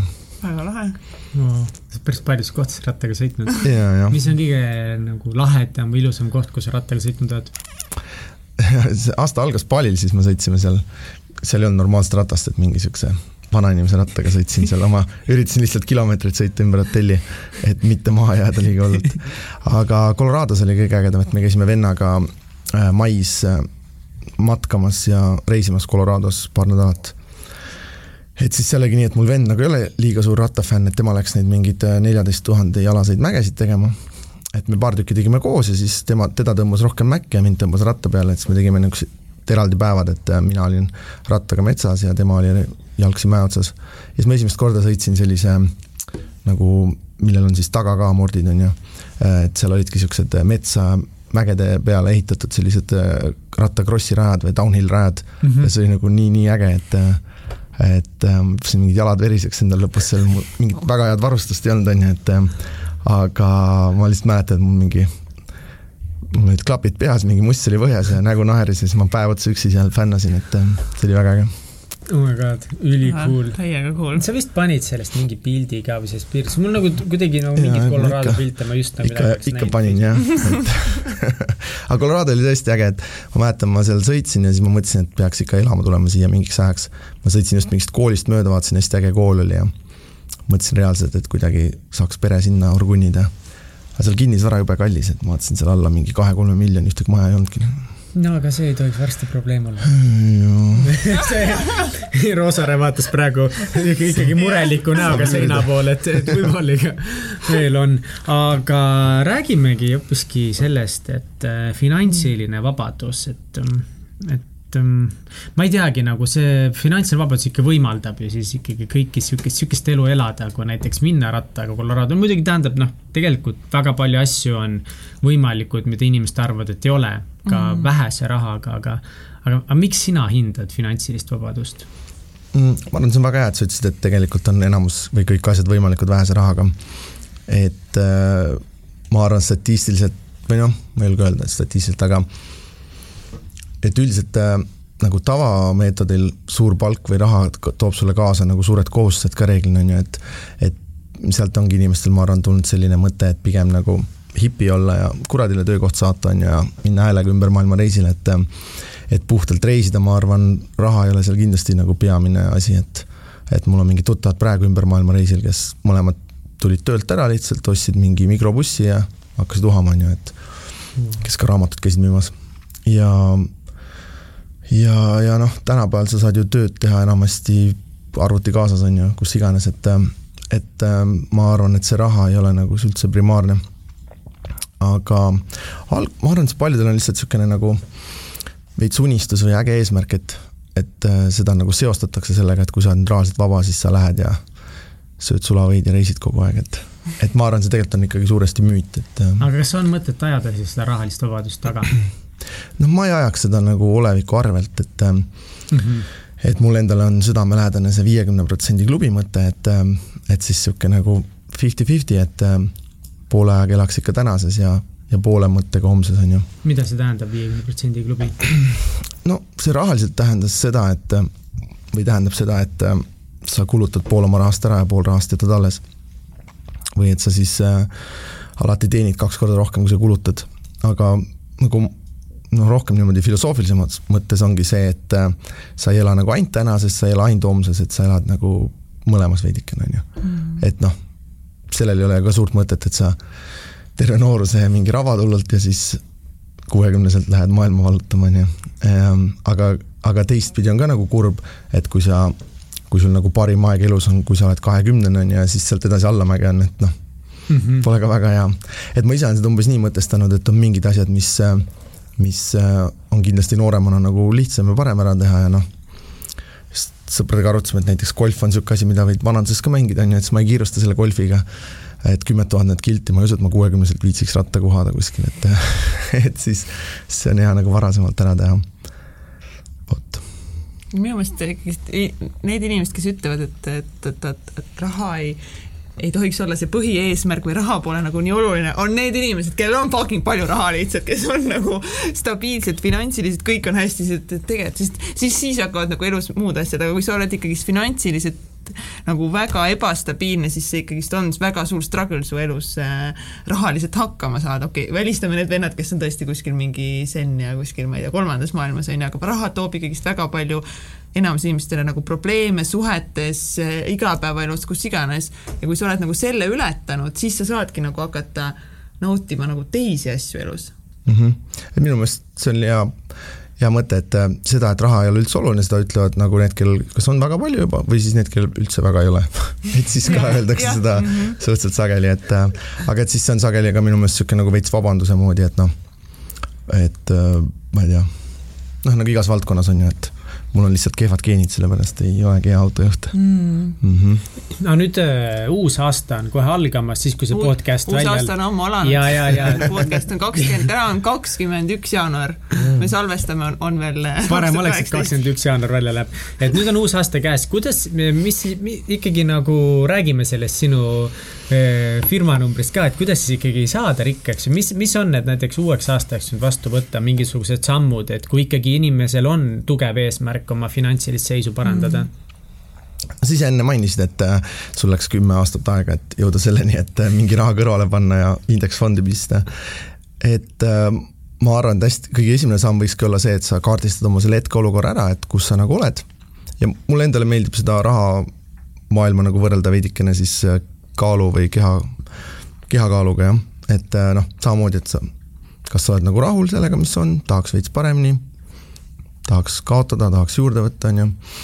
Et, et siis samamoodi vaadata, et kuidas see rahaline olukord on, et ähm, kas sul on täpselt nii palju raha, kui sa arvad, et peaks olema, võiks rohkem olla, võiks vähem olla, et ähm, ja siis, äh, ja siis ähm, võiks samamoodi järgmine samm olla, et mis siis see nagu ideaal võiks olla või unistus või kus sa välja tahaks jõuda, on ju. Äh, noh, samamoodi nagu näiteks siis ma ei tea, sportlikus vormis on ju, et täna ma üldse jooksmas ei käi, kümme kilo ülekaalus, aga tahaks kunagi näiteks maratoni ära joosta ja siis on sul see nii-öelda tänane punkt ja mingi lõpp-punkt ja siis sa saad sinna vahele seda teekonda ehitama hakata.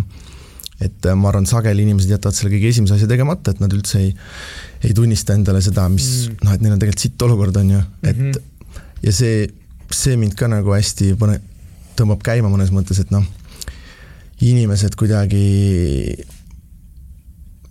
tundub nende jaoks väga okei okay,, et sa oled mingi kümme, kakskümmend aastat töötanud, aga sul eriti raha kõrvale pole pandud, on ju. et minu jaoks see tundub väga nagu absurd. et noh, kujuta ette, sa oled kümme, kakskümmend aastat kellegi teise jaoks rabelenud ja sul midagi sellest nagu ei ole ette näidata, et, et äh, noh mm -hmm.. siit lugu on ju, et nagu kuidas nii üldse saab või et, et minul on nagu alati olnud ikkagi see mõte, et kui ma kuskil mingit tööd teen, ma tahan, et midagi mulle ka alles jääks sellest, on ju et nagu lihtsalt nii teha, et see raha ära kaob, tundub nagu hull raha, aja raiskamine. aga kui ma nüüd näiteks olen inimene, kellel, kes mul on mingisugune palk ja ma kulutan sellest nagu sada protsenti ära, aga ma tahaksin jõuda nagu sinna viiekümne, viiekümne protsendi klubisse ja ma tahaksin üleüldse, et mul oleks natukese rohkem raha, et mm. et nüüd ma kaardistasin oma olukorra ära, ma ütlen, et no mul on kergelt sitt olukord ja ma tahaks mm. nagu veits paremaks, ma tahaks ro natukese rohkem säästa ja natukese rohkem teenida mm. -hmm. et mis ma nagu tegema peaks, kui ma ei ole veel? no siis võib-olla esimene küsimus, et kui seda kaardistada, on ju, et siis võikski kaardistada, üks on see tulud ja kulude pool, on ju, sa ütled, et see on enam-vähem nullis, et kõik, mis tuleb, kulub ära ka. teine on siis varad ja kohustused, et ähm, et kas sul on siis mingid säästud või varad hinge taga või on sul ainult teine sammas ja pole muud midagi. ja millised su kohustused on, et ähm, et USA-s enamus sellist finants äh, nõustamist keskendubki nendele võlgadele, et Eestis seda on nagu vähem, aga mida aasta edasi, seda rohkem. et kui sul on mingid krediitkaardi võlad või järelmaksud või liisingud, maksad kaheksateist protsenti aastas intressi, on ju, et siis ei olegi nagu väga mõtet edasi mõelda, et siis sul võiks esimene eesmärk nagu nulli jõuda endaga. Mm.. ja noh, see on jällegi niisugune, et kui sa oled kolmekümne aastane ja sa oled, sinu see puhas väärtus nii-öelda varad miinus äh, kulu või varad miinus äh, kohustused, on ju, on nagu miinusmärgiga, ehk sa oled rohkem võlgu, kui sul varasid on siis on nagu ka masendav, on ju, et sa oled vastsündinud beebi on rikkam kui sina, on ju, et sa oled juba aastaid töötanud. et, et siis sa pead midagi muutma ja noh, nii nagu ütleme, ma arvan, kaalu langetamine, et äh, ega see nagu ei ole rocket science, on ju, söö vähem, liigu rohkem, that's it. et siin samamoodi on ju, et teeni rohkem, kuluta vähem. kuidas rohkem teenida, pane kümme mõtet kirja, on ju, mida sa oskad teha raha eest, kirjuta kirjandeid ja hakka sealt tulema, on ju. et äh, et seda mulle meeldib teha, niisugust harjutust, kui ma käin ka näiteks koolilastele esinemas, et äh, käisin Valgas paar nädalat tagasi, et siis kõik kirjutasid väga kiiresti, et äh, käin koertega jalutamas, hoian lapsi, teeme sõpradega põgenemistoa mm.. Mm -hmm. mul äh, tänavalt üks tüdruk käib äh, seda äh,, mis on siis äh, lume, mingi Disney film Frozenit, jah, on mingi Ella või, või keegi mm -hmm. ühesõnaga mingi Disney tegelane, et ta käib sünnipäevadel seda tegemas mm. ja see on mingi viiskümmend euri näkk korraga nagu on ju, et teed tund-kaks seal nagu lastele nalja ja viiskümmend eurot sai kätte. Cash business. väga tuleb loovalt äh, ja, ja et, et see on nagu esimene pool ja siis äh, selle raha, mis sa sealt nii-öelda lisaga te-, lisaks teenid, selle sa siis võid sada protsenti kas võlgade maksmiseks panna või, või säästa et sul oma igapäevakulude katmiseks seda raha vaja pole, sest sa oled harjunud ilma hakkama saada, saama, on ju. Mm. et see on see oluline koht, et sa siis oma kulusid ei suurenda, vaid mm. paned need, selle raha kõrvale. ja siis kuludega, noh, võib-olla see on üks niisugune suurimaid ähm, ähm, kohti, kus ma tunnen, et inimesed on seda rikkaks saamise õpikut nagu valesti mõtestanud, et ma saan nagu palju kirju sellel, sellises formaadis, et me oleme nüüd abikaasaga tõmbasime kõik kulud alla, on ju sööme ainult nuudleid, lapsed söövad nuudleid ja ja nüüd olemegi viiekümne protsendi klubis ja vot nüüd on hullult vägev. et, äh, et tegelikult see kulude kärpimine ju noh, väga äge ei ole, on ju. et mhm. äh, ma arvan, enamus inimesi pigem, pigem ei tahaks sellele liiga palju kinni jääda. et siis ma arvan, et äh, ma ikkagi suurema fookuse paneks kindlasti tulude suurendamisele. aga et see kulude kärpimine võiks olla nagu esimene samm lihtsalt selleks, et sa mõtestad ära, et kas kõik need kulud, mis ma teen, on nagu mõistlikud ja üks hea nipp on teha nii, et sa oma need kulud paned nagu aega arvestad ümber. et näiteks, kui sa tead, et sa saad, ma ei tea, kümme eurot tunnis on ju, on sul palk, ostad näiteks mingi saja eurose noh, ma ei tea, mis asi maksab sada eurot, käekott on ju. Ehm, et siis sa põhimõtteliselt panid kümme tundi oma elust on ju sinna käekoti alla, noh. oleks nüüd kümme tundi lastega olla on ju, või kinos olla või mida iganes. et, et paned nagu selle mingi ostu mm -hmm. endale aega ümber ja siis, ja siis mulle endale meeldib see mõte ka, et on mingid valdkonnad, kus ma ei hoia kokku ja on mingid valdkonnad, noh, ütleme, elu, eluase ja auto on kaks niisugust kõige suuremat valdkonda, on ju, et kui sa seal ei priiska, siis tegelikult näiteks ehm, noh, minule meeldib näiteks väljas söömas käia, on ju, või raamatuid osta, et siis noh, ma ei hakka nagu hoidma kümmet eurot kokku raamatu pealt, kui see mulle rõõmu valmistab, on ju et, ähm, et tasuks, ma arvan, igalühel välja kaardistada mingid valdkonnad, mis sulle nagu rõõmu valmistavad ja seal siis nagu veits priisata.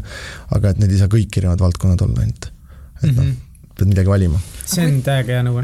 ei, et kuidas üldse nagu sellest äh, kulutamise mentaliteedist võib-olla lahti nagu saada, et mul on vaja nagu rohkem mingi kulutada ja kõik ära kulutada ja osta mingeid asju ja mm,? noh, see on ka nii, et ega sealt tagasi on nagu raske liikuda, on ju, et, et pigem on parem, parem mitte minna nagu. ei, ei, me juba oleme seal. Te juba olete seal kulutamises ähm,. olen kohal jah. no minul endal oli, oli selline lihtsalt ähm, ma arvan, mis mind hästi mõjutas, oli see, et kui ma USA-st tagasi tulin, siis mul oli see kaheksa tuhat dollarit on ju justkui käes ja ma mõtlesin igast plaani, mis ma teen selle rahaga ja ükski nagu kulutus ei tundunud nagu seda väärt olevat, et, et seda raha tuli nii raskelt ja nii selliselt, ähm, mulle meeldib öelda, et vere, higi ja pisaratega, on ju. ja kuna ma käisin rattaga käna seal, siis oligi verd verd ka, on ju. et, et see raha oli nii kallis, et ma ei raatsinud seda nagu ära anda mingi, noh, mõtlesin, et ostan endale arvuti, on ju, ostan endale mingi auto, mis iganes ja, ja siis, kuna ma olin lugenud ja õppinud investeerimise kohta, et siis ma teadsin, et kui sa selle nii-öelda algraha või algkapitali ära investeerid, siis see hakkab sulle uut raha tooma ja tolle raha jaoks ei pea mina üldse vaeva nägema, on ju. et, et see on nagu mind või niisugune mõttemudel, et sa seda füüsilise vaevaga teenitud raha pead hästi kalliks ja ei taha vahetada millegi kauba vastu. ja, ja siis, kui see raha sulle uut raha teenib, siis see uus raha on veits kergem, on ju. seda on nagu natuke mõnusam kulutada aga võid selle ka omakorda ära investeerida, et siis kulutad seda kolmanda astme raha, et ähm, et mind ennast see on nagu aidanud omajagu mm, mitte kulutada. ja, ja teine asi ongi see, et noh, näiteks ähm, rentida mingeid asju, et äh, see on seal raamatus ka kirjas, aga et kunagi mul hästi suur unistus Ford Mustang endale osta. ja, ja siis me USA-s rentisime selle kolmeks päevaks ja noh, sõidad kolm päeva ära, et tegelikult on ikka suht sihuke Fordi plastik on ju et ega mingit hullu rõõmu nagu ei ole tagantjärgi. et enamuste asjadega sa harjud nii ruttu ära, et, et selle rentimisega saad selle mõnu kätte, et samamoodi me oleme hästi pikalt nagu mõelnud mingit suvemaja või asja osta ja siis jõuame ikka sinna, et et noh, näiteks me vaatasime Hiiumaal mingeid majasid perega, et me saame mingi, mingi kakssada aastat rentida iga suvi endale nädalaks, endale noh, erinevaid kohti kas Airbnb-st või kusagilt versus see, et meil on seal oma suvila, mida me peame siis on ju hooldama ja vaeva nägema. et, ähm, et ma arvan, pigem sealt nagu mõtestada ümber seda ja osadele aitab see ka, et nad lihtsalt on nagu ökoloogilised ja ei taha nii-öelda prahti toota ja mm. kõike seda. ja ma tahaks ka omalt poolt kohe mõtte juurde panna, et see, need on üli-ülihead mõtted eriti uueks aastaks nüüd ja. aga just see, et näiteks me oleme toonud kompromisse sealt, et söök on koht, kus me kokku ei hoia. mitte, mitte väljas sööme, vaid koju, et me pigem ostamegi mingeid mahemunasid ja kookosrasva ja et me olemegi otsustanud Jeniga koos, et äh, toit on koht, kuhu me alati investeerime ja me sealt kokku aga okei okay,, et nagu, et aga kust me siis nagu kompromisse teeme, et hetkel me veel ei ole jõudnud nii palju juurde teenida, siis näiteks meil ongi see, et okei okay,, auto, kas meil on tegelikult autot vaja? no ei ole, on ju. Jälle sama asi, et kas me saame rentida ja me isegi ei ole pidanud kunagi rentima, sest suguvõsa on nii suur, et kui me oleme pidanud maale sõitma või Vilsandile, Saaremaale, me oleme lõpuks alati perest selle auto saanud ja sealt kokku hoidnud, ma sõidangi ratta ja bussiga või siis teie veate mind autoga, kats veab autoga kogu aeg mind. -hmm. et näed, et saab hakkama küll ja, ja, ja tihti tuleb, eriti viimasel ajal võidelda küll selle ego ja kõigega, et kurat, aga et nagu auto oleks ikka ilgelt äge. Aga noh, täna ma veel näen, et mul tegelikult veel vaja ei ole, kui ma lapse saan, ilmselt siis ma tahan autot mm. -hmm. et, et ja kuulajad ka, mõelge ka, et kus on kohad, kus te saaksite võib-olla kokku hoida ja, ja on okei okay,, kui igalt poolt ei hoia jah, aga ma tahaks Jaagu käest küsida, et kas sa äkki kirjeldaksid seda, seda, seda tunnet, mis, mis on sinu sees selles teadmises, et, et sa oled finantsiliselt vaba. mis tunne see on mm.? no selles mõttes jällegi ma ei ole võib-olla kõige õigem inimene, et ma olen nagu oma mõttes algusest peale nagu finantsiliselt vaba olnud, et mm. ma ei ole nagu kunagi käinud niimoodi tööl, et umbes vaatad kella või noh mm et kui ma käisin seal raamatuid müümas, ma olin justkui iseenda boss ähm, või noh, commission based.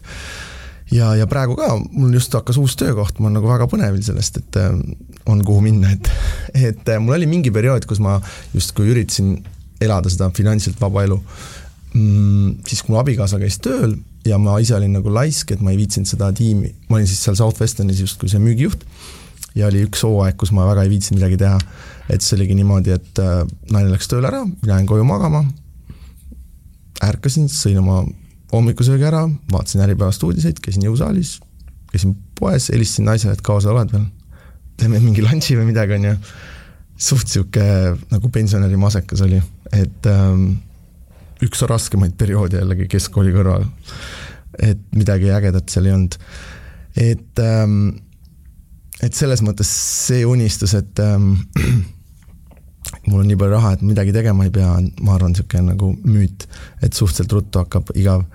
aga lihtsalt mulle meeldib näiteks see mõte, et noh, kui ma tahaks, ma võiks mingi asja osta endale, on ju, et siis ma juba sellest mõttest saan nagu pool mõnu kätte, et et ja siis sealt järgmine samm ongi see, et okei okay,, ma ostan endale selle noh, ma ei tea, mingi telekamäng või mis iganes see asi on, on ju et siis järgmine mõte on see, et okei okay,, nüüd ma pean selle kuhugi panema ja siis ma pean selle selgeks õppima ja kuna mul üldiselt tehnoloogia, nagu ma ütlesin, uuendused on rasked mulle, on ju, et siis see kõik juba ajab stressi, et siis ma pigem ei osta.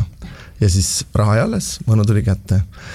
Ehm, aga, ja teine asi on siis see, et kuna mulle meeldib hästi investeerida, et siis mul ei ole kunagi raha kontol ka, et ehm, mul enamasti on kõik kontod miinuses kogu aeg, et ehm, näiteks oligi niimoodi, et käisin seal Valgas esinemas, siis meil oli mingi nagu väljakutse noortele, et kes mulle esimesena oma sada eesmärki saadab, et siis ma kannan talle viiskümmend eurot. ja siis, kui ma hakkasin kandma, siis ma vaatasin, mul ei ole kuskilt kanda, et kõik kontod on nagu miinuses, et äh, kusagilt seda raha tõstma, et et äh,, et mul ei ole nagu kunagi sellist hetke, et mul mingi hull raha istuks kusagil, et mul kõik raha teenib raha? kõik raha on kuskil ära ja, ja puudugi on alati. et, äh, et äh, ja see on lihtsalt sellepärast, et min-, minu jaoks see investeerimine on nagu, nagu hobi ja töö üheskoos. ja mida rohkem sul raha on, seda rohkem sulle nagu järgmised võimalused avanevad, et see on umbes nagu arvutimängus, et siis järgmisel levelil eeldatakse juba, et sul ongi rohkem raha. ja, ja et siis äh, me noh, näiteks mis on mul niisugune hästi kahetine tunne, et ma teistele õpetan, aga ma ise seda ei järgi, on see vihmase ilma konto on ju, või see puhver mm., et sul on see rainy day fund, kolme kuni kuu varu on kuskil kontol, on ju ja, ja ma pikalt nagu struggle isin sellega, et ma ei ole suutnud hoida kunagi sellist raha endal kontol, et äh, ja siis lahendus oligi see, et äh, meil on siis pigem nii, et abikaasa kontol istub raha ja minu kontod on miinuses, et et, et kui midagi vaja on, siis on raha abikaasa käes. sulle ei meeldiks nagu jätta ikkagi suurem summa kuskile kõrvale niimoodi, et see raha ei, ei tee tööd ja kaotab pigem ajas oma väärtust, on ju? no mul on see umbes niisugune tunne nagu, mõtle, mis hea võrdlus võiks olla, et ähm, nojah, et see on nagu näiteks sa oled jahimees ja sul on püss on rauas on ja kits jookseb ja sa ei saa teda lasta, on ju, et sa istud selle padruniga, hoiad mm -hmm. seda seal. Et mul tuleb sihuke stress ja närvilisus peale, kui mul raha seisab kuskil ta peab olema läinud kogu aeg. ma tahaks tagasi tulla veel meie selle uue aasta plaani peale, mhm. et meil on päris hästi palju mõtteid siin räägitud, aga nüüd, kui äh, need natukese on äh, vähem kulutame, me oleme teinud neid lisatöid, et me teenime raha juurde ja seda raha me nüüd täna ei kuluta. me oleme selle kõrvale pannud, me seda säästame, mis siis selle rahaga võiks peale hakata? peaks selle kolme kuni kuu, kolme kuni kuue kuu vihmailma fondi endale tegema esimese asjana. miks see vajalik on? No see on, meil oli näiteks peres selline olukord, et meil kukkus auto peale, siis kui meil üks auto oli peres, kukkus jää ja lumi katuselt. auto läks katki ja siis oli vaja raha, et auto korda teha. siis vahest noh, ikka juhtub midagi, on ju, et sul on mhm. vaja. Mingid uued kingad osta endale või? on küll jah, paljud, ma kujutan ette, et paljudele inimestele, mina sealhulgas, minul ka ei ole seda, mina olen ka kohe pannud kuskile mintosesse raha ära. aga kui ikka midagi suurt juhtub mm. ja sul ei ole kohe näiteks kelleltki küsida ka, siis võib ikkagi väga keeruline seis olla. aga kui meil on see kolme kuni kuue kuu fond kõrval tehtud, mis siis järgmiste säästudega teha? no siis vaikselt võikski seda passiivset sissetulekut ehitama hakata. Mina olen ise investeerimises siis sellist äh, rahavoo usku, et ähm, mul nagu esimene eesmärk oligi see, et enda igapäevased kulud ja, ja sissetulek ära asendada siis selle passiivse tuluga. ehk siis, ja see võikski olla võib-olla hea eesmärk, et kui sa saad täna tuhat eurot kuus palka, et siis sul võiks olla eesmärk jõuda noh, võimalikult ruttu sinna, et sul tuhat eurot kuus tuleb hoopis kuskilt passiivselt ilma töö, tööd tegemata sisse. Ja, ja mina ise investeerin siis nagu kolme passiivsesse sissetulekusse, et äh, üürikorterid ja sihuke üürikinnisvara, kust tuleb siis üür, on ju, ja siis äh, laenud ja, ja võlakirjad ja erinevad sellised mm, hoiused, kus sul tuleb intress ja siis äh, ettevõtte osalused ja aktsiad, kust tuleb äh, dividend, et suhteliselt sihuke äh, lihtne mudel iseenesest aga kust nagu alustada? Kui inimene pigem alustab alles investeerimist ja need summad mm., mida investeerida on niimoodi tuhand, võib-olla alla, võib-olla veits üle tuhande euro mm. -hmm. et noh, siin on nagu raske sihukest kõigile sobivat mhm. vastust mm -hmm. öelda, aga et ma ütleks, et on nagu kaks varianti, et üks variant on see, et äh, sa panedki kuhugi globaalsesse indeksfondi, siis sa võid näiteks kolmanda samba teha endale. et praegu LHV pakub seda indeksfondi ja Tulev hakkab ka kohe varsti pakkuma, et siis äh, paned nagu iga kuu viisteist protsenti sissetulekust kõrvale, on ju, see vaikselt kasvab seal, majanduslanguse ajal saad rohkem neid aktsiaid ja siis, kui on buumiaeg, saad vähem. ja kolme-neljakümne aastaga see kasvab sulle noh, nii et sa oled üle keskmise heas olukorras Eesti mõttes, ma arvan. Ma arvan, et minule see nõu tegelikult väga hästi sobib, sest mina tahaksin just nagu plaani või no mul enam-vähem ongi plaan, ma tahaks nagu midagi sihukest teha, et ma teenin veits rohkem, ma mm. kulutan vähem mingit raha kõrvale ja ma panen selle kuskile ära, et ma nagu paar korda aastas panen, ma ei pea mitte midagi tegema, ma ei yeah. taha kunagi müüa yeah. ja ma tahaks vaadata, mis kümne aasta pärast saab yeah.. mis ma siis nagu tegema peaks? selle kohta oli hea ütlus, et et selline mudel, et siis ähm, kolm sammu, et esiteks, et äh, tee nagu enda see sääst kõige suurem ähm, kuluartikkel oma elus, et vaata, mis sul praegu kõige suurem kuluartikkel on, on ju, et enamustel on siis kas üür või autoliising või midagi säärast või äh, kodu, kodulaenumakse ja maksa siis vähemalt üks euro rohkem kui see, pane siis oma sinna fondi, siis teine mõte on see, et äh, et äh, tee seda nagu regulaarselt, on ju, ja tee see automaatseks, ehk siis ta käibki sul pangaülekandega, on ju, et sa ei pea ise käsitsi iga õhtu seda või iga kuu tegema see on ka hästi lihtne. ja kolmas on see, et unusta üldse ära, et see sul on, on ju, et äh, ära näppi, ära vaata, ära stressa, ära rõõmusta selle üle, on ju, et äh, et see mõte, et kümne aasta pärast vaatad, on, on hea. seda praktikas raske teha, ma arvan, et äh, kui Äripäevas on uudised, et kõik kukub kokku, on ju, siis inimesed ikka hakkavad, hakkavad piidlema ja ümber mõtlema neid asju ja, ja, ja ka teine viis on siis see, et sa justkui tahad natuke aktiivsem investor olla ja sulle meeldib see protsess. Ja siis ma võib-olla alustaksin kas ühisrahastusest või, või Balti aktsiatest, et üks kahest. Et ühisrahastus on, ma arvan, nagu riski ja tootluse poolest üks, üks parimaid kohti alustada, et sa saad väikese rahaga sinna sisse minna ja sa saad hajutada päris kergelt ja ta on nagu noh, stressivaba, et kui sa esimese asjana endale üürikorteri ostad, et siis seal on ikkagi noh, sul on põhimõtteliselt kõik munad ühes korvis, on ju, et et läbi ühisrahastuse sa saad osta saja euro kaupa endale erinevaid objekte mm. -hmm see on nagu, on päris hea.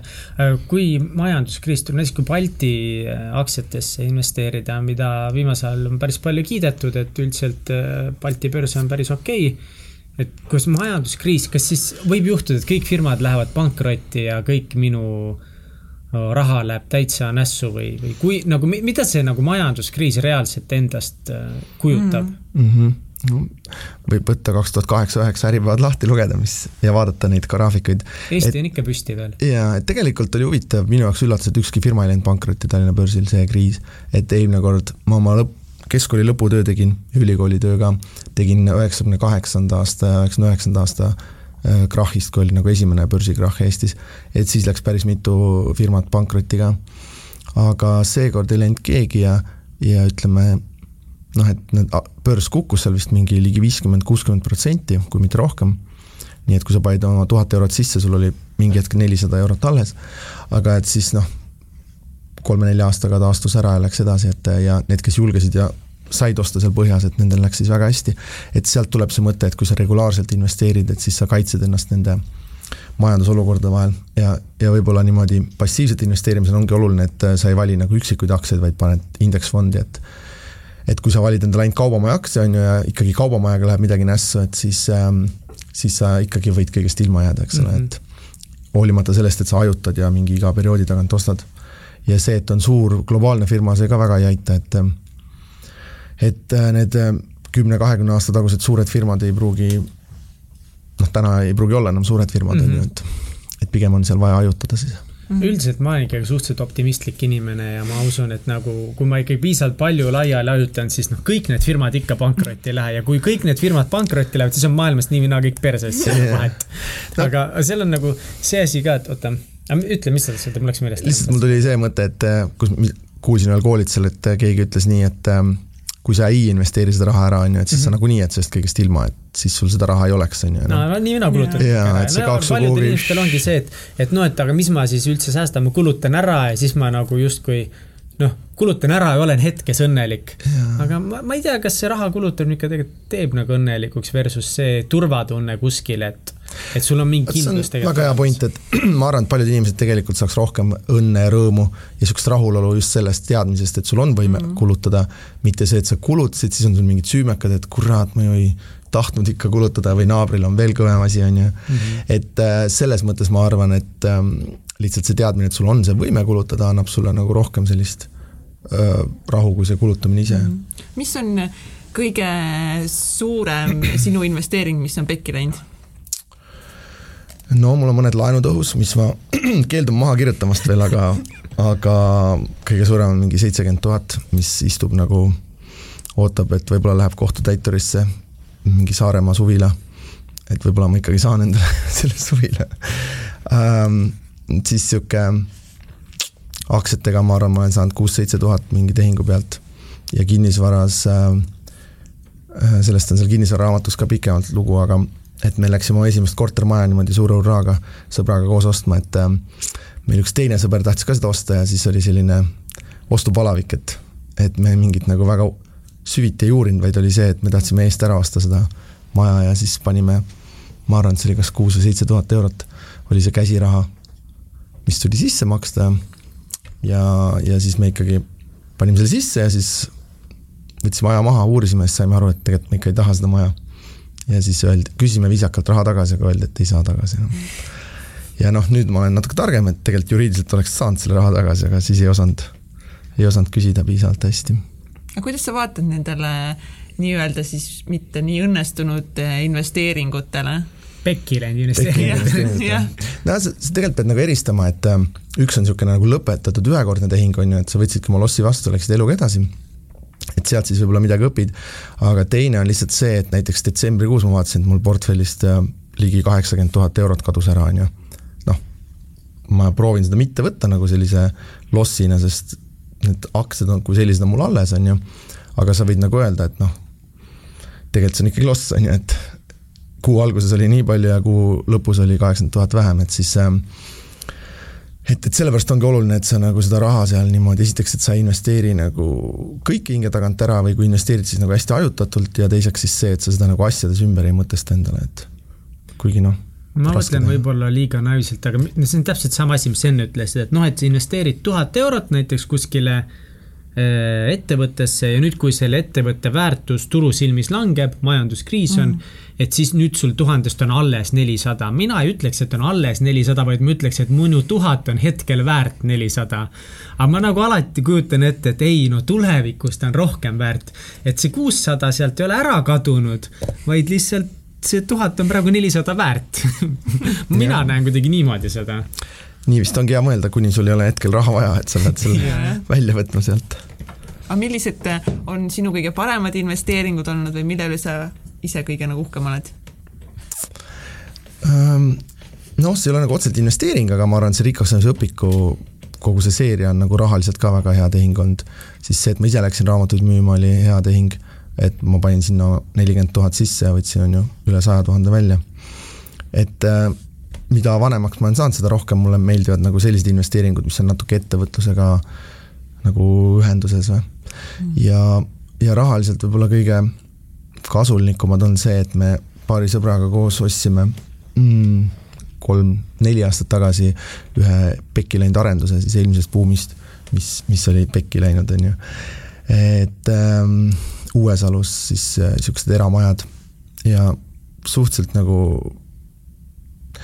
ostsime suure rõõmuga, siis saime aru jällegi, et ei olnud väga hea diil, aga öeldakse, et aeg parandab haavad, et siis see turg on olnud nii hea, et äh, kokkuvõttes oli nagu hästi kasulik projekt, et äh, aga ma mäletan niisugust nagu õudu seal vahepeal, et äh, me olime sinna üle miljoni ära pannud sisse ja läksime vaatama. Ja ma ei olnud varem nagu eramajade arendusega kokku puutunud ja siis põhimõtteliselt nagu kõik see miljon oli kuskil maa all, on ju, mingi drenaaž ja mingid torud, et, et sa vaatad, see on lihtsalt niisugune mudaväljak, on ju, ja mõtled, et okei okay,, et äh, loodame, et nüüd midagi tuleb siit nagu oota, aga mis mõttes, et te olite miljoni juba ära pannud, aga ainult oli? no see läks nagu selleks äh, taristu ehitamiseks justkui, et sa tõmbad sinna mingid äh, torud ja kaablid ja asjad. aga et seda nagu otseselt näha ei olnud okay., see oli kõik seal nagu põllamaa sees, on ju. et ehituseni polnud veel jõudnud. tuli teine miljon juurde panna, et ehitama hakata ka või? ja, ja siis äh,, ja siis me ei olnud üldse kindlad, kas me pangast mingit laenu saame tollel hetkel ja et noh, tagantjärgi mõeldes oli suhteliselt riskantne. aga nüüd said, said müüdud kõik ja tuli raha koju ja kõigil oli hea meel sarnasel teemal, aga natuke erineval teemal, mulle meeldib ikka hüpata siin mm. -hmm. sa oled mees, kes paneb päris palju eesmärke, mul on tunne. et sa kirjutad oma blogis väga avameelselt oma eesmärkidest, mis sul on nii spordi ja, ja tervise kui ka finantsiliste asjadega natukesed. Kas aasta alguses teed siuksed suuremad eesmärkide mingid üleskirjutused ka endale? Me oleme päris mitu aastat teinud nüüd nii, et äh, me vana aasta õhtul katsume lapsed kuhugi ära sokutada ja siis lähme abikaasaga kuhugi välja. Ja siis äh, eelmine aasta olin baalil mingis rannarestoranis, lapsed olid küll ka, aga mängisid telefoniga ja et äh, ja et siis me nagu koos mõtleme, mida me järgmine aasta nagu teha tahaks. ja et see on nagu, mul on nagu mingeid bucket list'e päris palju, on ju, et aga seal on osad sellised eesmärgid, et noh sa saad aru, et see nõuab teatavat ohverdust kuskilt mujalt, on ju. et siis äh, paljude puhul ma tean, et see jääbki sinna päris pikalt, et ma noh, panen sinna näiteks, ma tahan õppida viiulit mängima või mida iganes, hispaania keelt. et siis äh, see on nagu nice to have, aga ma reaalselt ei ole nagu valmis seda ohverdust tooma.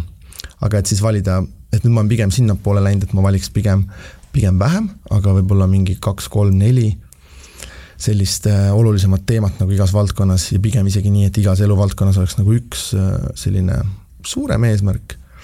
ja, ja ideaalis ta on selline nagu doominoklotsi moodi, et ähm, noh, stiilis, et näiteks ma panen eesmärgiks, et mul on hea, ma ei tea, ma kaalun kaheksakümmend viis kilo ja mul on hea füüsiline vorm, et siis see omakorda mõjutab positiivselt nagu kõiki muid valdkondi ka, on ju ähm, et selleks, seda saavutada, ma ilmselt pean sööma natuke tervislikumalt, on ju, ma pean ilmselt sporti rohkem tegema, et ähm, et pigem siis sellised eesmärgid või siis näiteks, kui on mingi rahaline eesmärk, et ma tahan X summa teenida, et siis jällegi ma juba tean, et see sunnib mind siis loovam olema ja rohkem liigutama ja nii edasi, et et pigem sellised vähem eesmärke, aga niisugused äh, natuke suuremad, et ma ei pane mingit sellist eesmärki, et ma, ma ei tea, ostan endale selle või käin seal, et noh, pigem midagi suuremat. miks eesmärkide seadmine sul oluline on? noh, Peep Vain on rääkinud, et seal Ameerikas sind pestakse su ajusid seal raamatumüügiäris nii kaua, on ju, et sa muutud selliseks eesmärgi zombiks, et et ma arvan, see on sealt nagu, sealt nagu tulnud veidikene, et et seal me ju noh, te olete ka raamatuid müünud, on ju, et sul oli igaks päevaks oli eesmärk, iga tund on ju, et mingi hästi sihuke lühiajaline fookus, aga ma olen avastanud, et mulle see teekond eesmärgini nagu hästi meeldib. Ja just see hetk, kus sa nagu paned mingi lipu maha ja alustad, et ma mäletan eelmine aasta, kui ma oma esimese kätekõrse ära tegin, siis ma olin nagu põnevil, on ju. ja, ja see, sa visualis- või noh, kujutad ette juba, milline see aasta olema saab. et ähm,, et praegu ma ei üritagi niivõrd nagu maksimeerida võib-olla sissetulekut, vaid pigem nagu sellist äh, rõõmu ja tegevusrõõmu nagu, et ähm, ma, ma ei, ma ei pane seda aastat nagu selle fookusega, et nagu maksimaalselt sealt raha välja pigistada, vaid pigem nagu mingeid kogemusi ja asju. umbes nii. nüüd vastavalt aastale, kindlasti on olnud aastad, mis on olnud väga, ma kujutan ette ka, mõned aastad, kus on mitu business'it ja suured mingid eh, kontonumbrid investeerimiskontodel siis kindlasti, eks ole. ja on aastad, kus on siis rohkem eesmärke hingele ja vaimule või? jaa, no jah, sest ma ikka üritan nii, et igas valdkonnas on mingi eesmärk nagu kirjas. aga et noh, näiteks rahal ka, et kui mingi rahaline eesmärk, et siis see pigem tuleb näiteks sellest, et ma nii palju ei tahaks fookust panna sellele passiivse tulu või tootluse eesmärgile, vaid pigem mingi uue tulu saamisele, et siis ma tean, et see sunnib näiteks noh, a la uue raamatu kirjutama või mingeid koolitusi tegema või mida iganes, et et, et sellel eesmärgil oleks mingi areng, arendav mõju ka. Mm.. ma küsiks veel seda, et mille järgi sa valid nüüd ettevõtteid, kellesse inveerid? Inveerid. Ma genereeri, ütleme siis millistesse ettevõtetesse investeerida, näiteks Erier, Upsteam, ma saan aru, oled ka investeerinud sinna? see on nagu selle aasta niisugune põnev areng olnud, et neid nii-öelda startup'e või alustavaid ettevõtteid ka näpuotsaga puutuda, et et Madis Müüri ma pean tänama, kes, kes ka sobiks siia saatesse, kui ta ei ole veel olnud, aga kes siis Eesti suurim pokkerivõitja on ja kes promob seda idufirmade investeeringuid mm, -hmm. et siis äh, noh, ja see on niimoodi, et äh, mõnes mõttes on see nagu rikaste inimeste lõbu juba, et äh, seal see ootus, tootlusootus on nagu negatiivne, ma julgeks eeldada ikkagi, kuigi Madis väidab vastupidist, aga et ähm, ma arvan, et äh, nii palju, kui ma olen käinud, ma osalesin ühel äh, äriinglite koolitusel, et siis seal peaaegu igaüks, kes esinema läks, siis esimese asjana ütles, et noh, et raha teenib ikka oma äriga, on ju, aga et see venture capital annab sulle siis seda tagasiandmisrõõmu ja siis sellist nagu noh, ägedaid inimesi ja, ja ma hästi soovitan vaadata, niisugune seriaal on nagu Silicon Valley, et ma olen mm -hmm. seda vaadanud mingi paar päeva, et see on nagu nii kümnesse seal.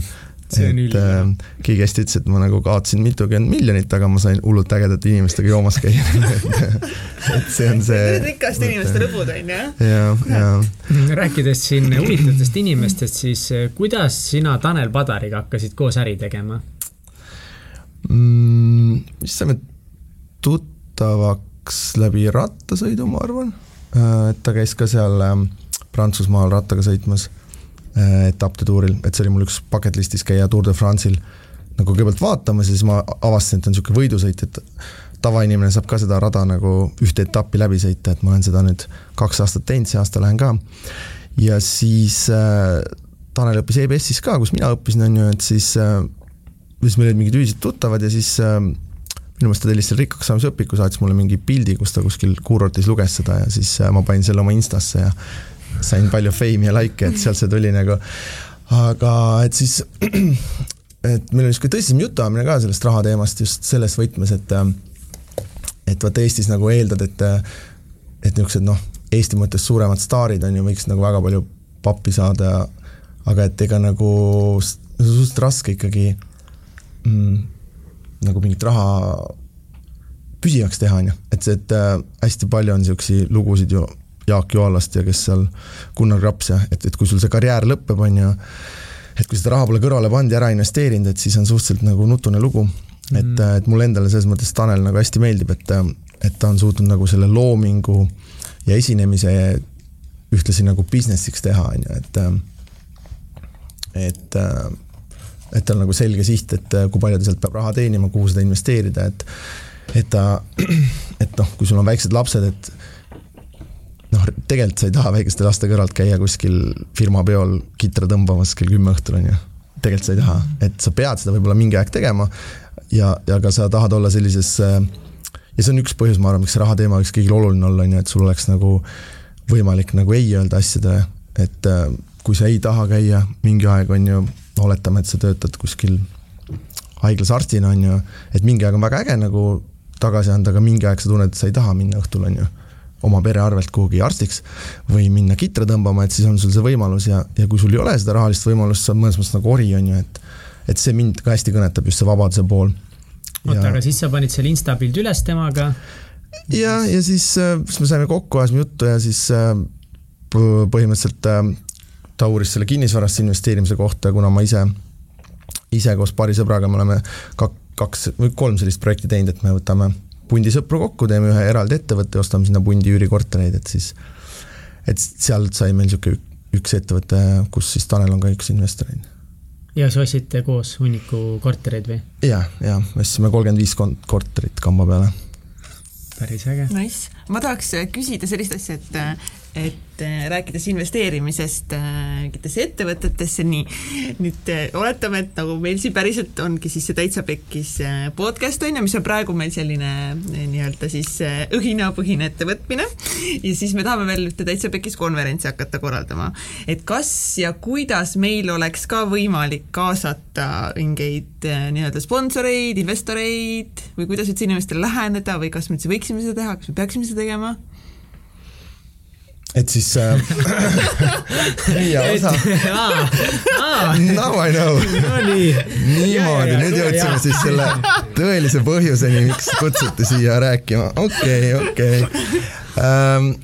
ma arvan, et ähm, ikka tasub muidugi uurida jah, et sul peaks siis lihtsalt olema nagu mingi ähm, mingi põhjus, miks seda raha vaja on, on ju, või kust see raha läheb.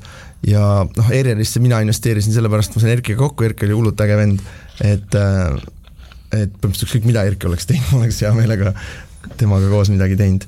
ja, ja noh, et, et see on selline investeering, millega ma arvan, et Erki ei solvu, on ju, et ma ei plaani nagu rikkaks saada selle ERR-i investeeringuga. et noh, never know, on ju, aga ta nagu olemuselt ei ole minu meelest selline investeering, mis saaks väga niimoodi suureks kasvada. et äh, aga see on okei okay,, et äh, et siis järelikult need summad ei ole ka nii suured, mis sinna sisse läheb, on ju. et kui te ütlete, et näed, kakskümmend prossa sellest ähm, podcast'ist ja pane natuke pappi sisse ja siis saame edaspidi käia koos ähm, joomas et siis äh,, siis nagu investeeringul on jumet, on ju ja, ja siis mulle meeldivad sellised kohad, kus ma saan ise nagu mingit lisaväärtust luua, et see on nagu selle idufirma võib-olla noh, nagu see põhi, põhimõte on ju, et kui sa et äh, näiteks seesama ERR-i puhul on ju, et äh, ma teadsin, et ma saan sinna aidata ka inimesi nagu juhatada või suunata läbi oma mingite kanalite, et et siis äh, mingi niisugune ühisosa võiks olla, et kui teil on mingi konverentsi business on ju, et siis mina olen ka koolitusi teinud ja ma tean natuke, kuidas see käib, et et siis seal oleks nagu veits niisugust ühisosa mm. -hmm. meil on väga äge konverentsi idee ja me loome täiesti uut žanrit, oleme loomas. et ta ei ole nagu päris konverents ta ei ole see nagu sihuke talk show ka, kus sa tead näiteks, mis see, see, mida mehed tegelikult tahavad, on nüüd see ilgelt kuulus talk show on ju, et see ei ole päris selline ka, meil täiesti omaette mm -hmm. žanril tulemas. jah ja,, Mihklil on ka juba nüüd idee ära müüdud lõpuks ometi pikki kuid pärast veenmist ja jah. aga eh, kas me teeme välkküsimusi või? ja, mul oli veel ja. üks küsimus enne, enne kui me teeme välkküsimusi, et eh, kas sul on et kuidas, ma tahaks, kuidas sinu üks päev praegu, täna välja näeb, kas kõik päevad on hästi erinevad või on sul nagu kindel rutiin, mida sa igapäevaselt ja nädalast nädalasse teed? no ma mainisin, mul sai kuusteist aastat Southwesternis läbi, et ma, mul ei ole veel leping alla kirjutatud, aga mul põhimõtteliselt on uus töökoht, äh, on siis selline, et äh, me selle Southwesterni tütarfirmana teeme uue ettevõtte, mille roll on siis leida nagu vilistlasi, kes tahavad mingit oma valdkonda käima tõmmata, on ju.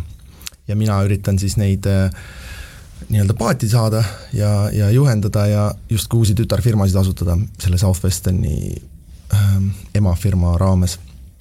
ja, ja see tegelikult oli mul ma vaatasin, mul oli kunagi pärast esimest suve ma kirjutasin oma niisuguse eluplaani või mis mu eesmärgid niimoodi pikas perspektiivis on, milline abikaasa ma olla tahan ja isa ja nii edasi.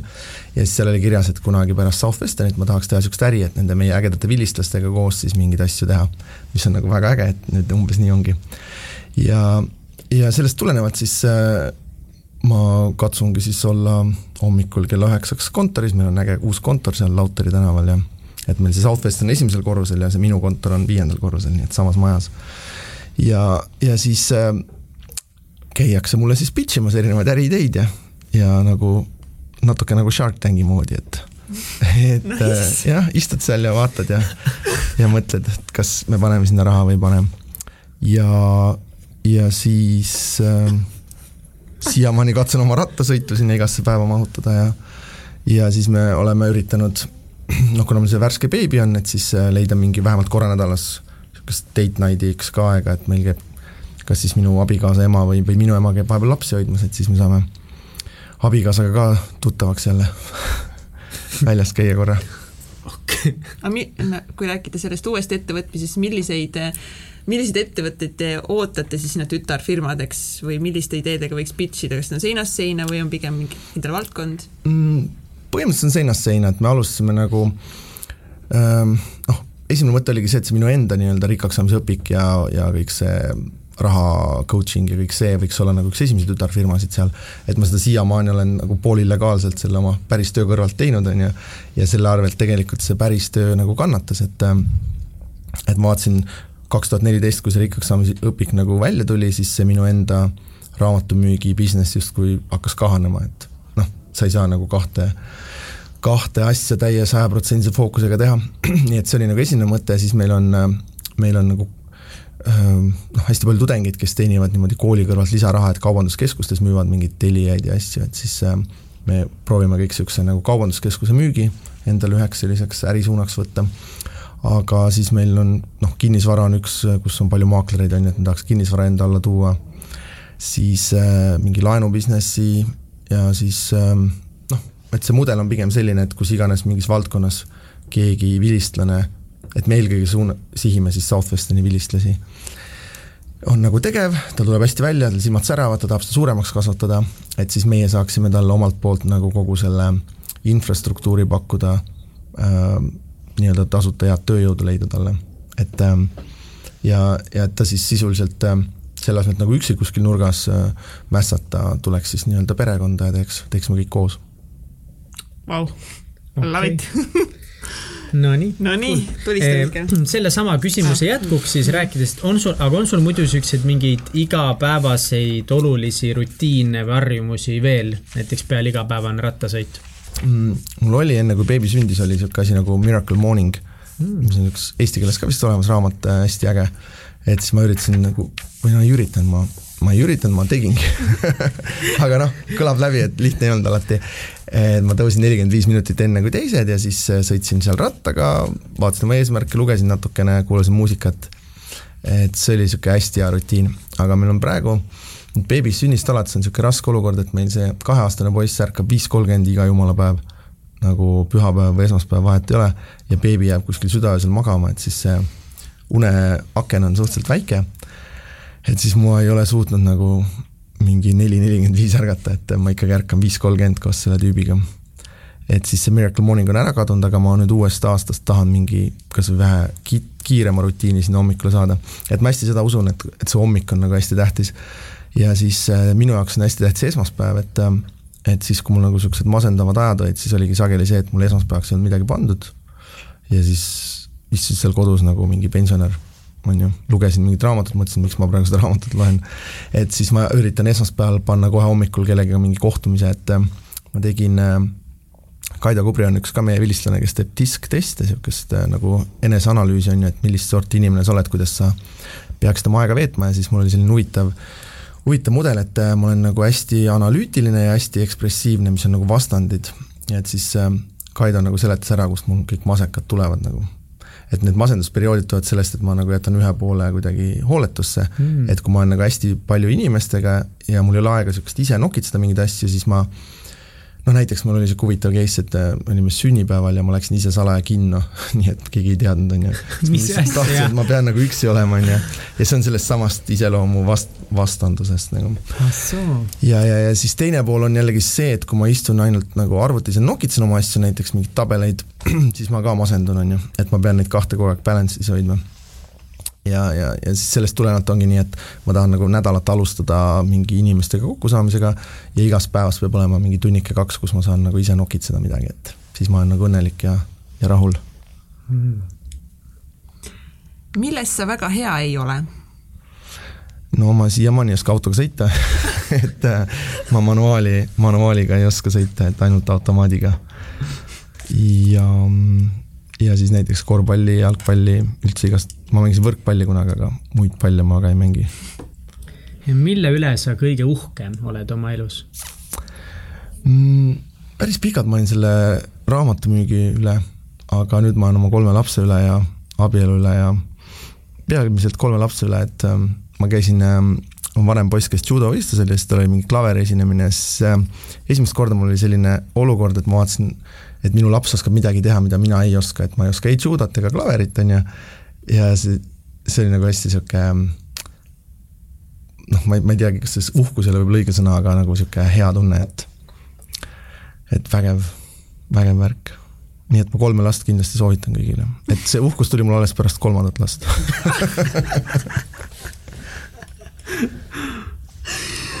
mis on kõige pöörasem asi, mis sa elus teinud oled ja kas sa teeksid seda uuesti?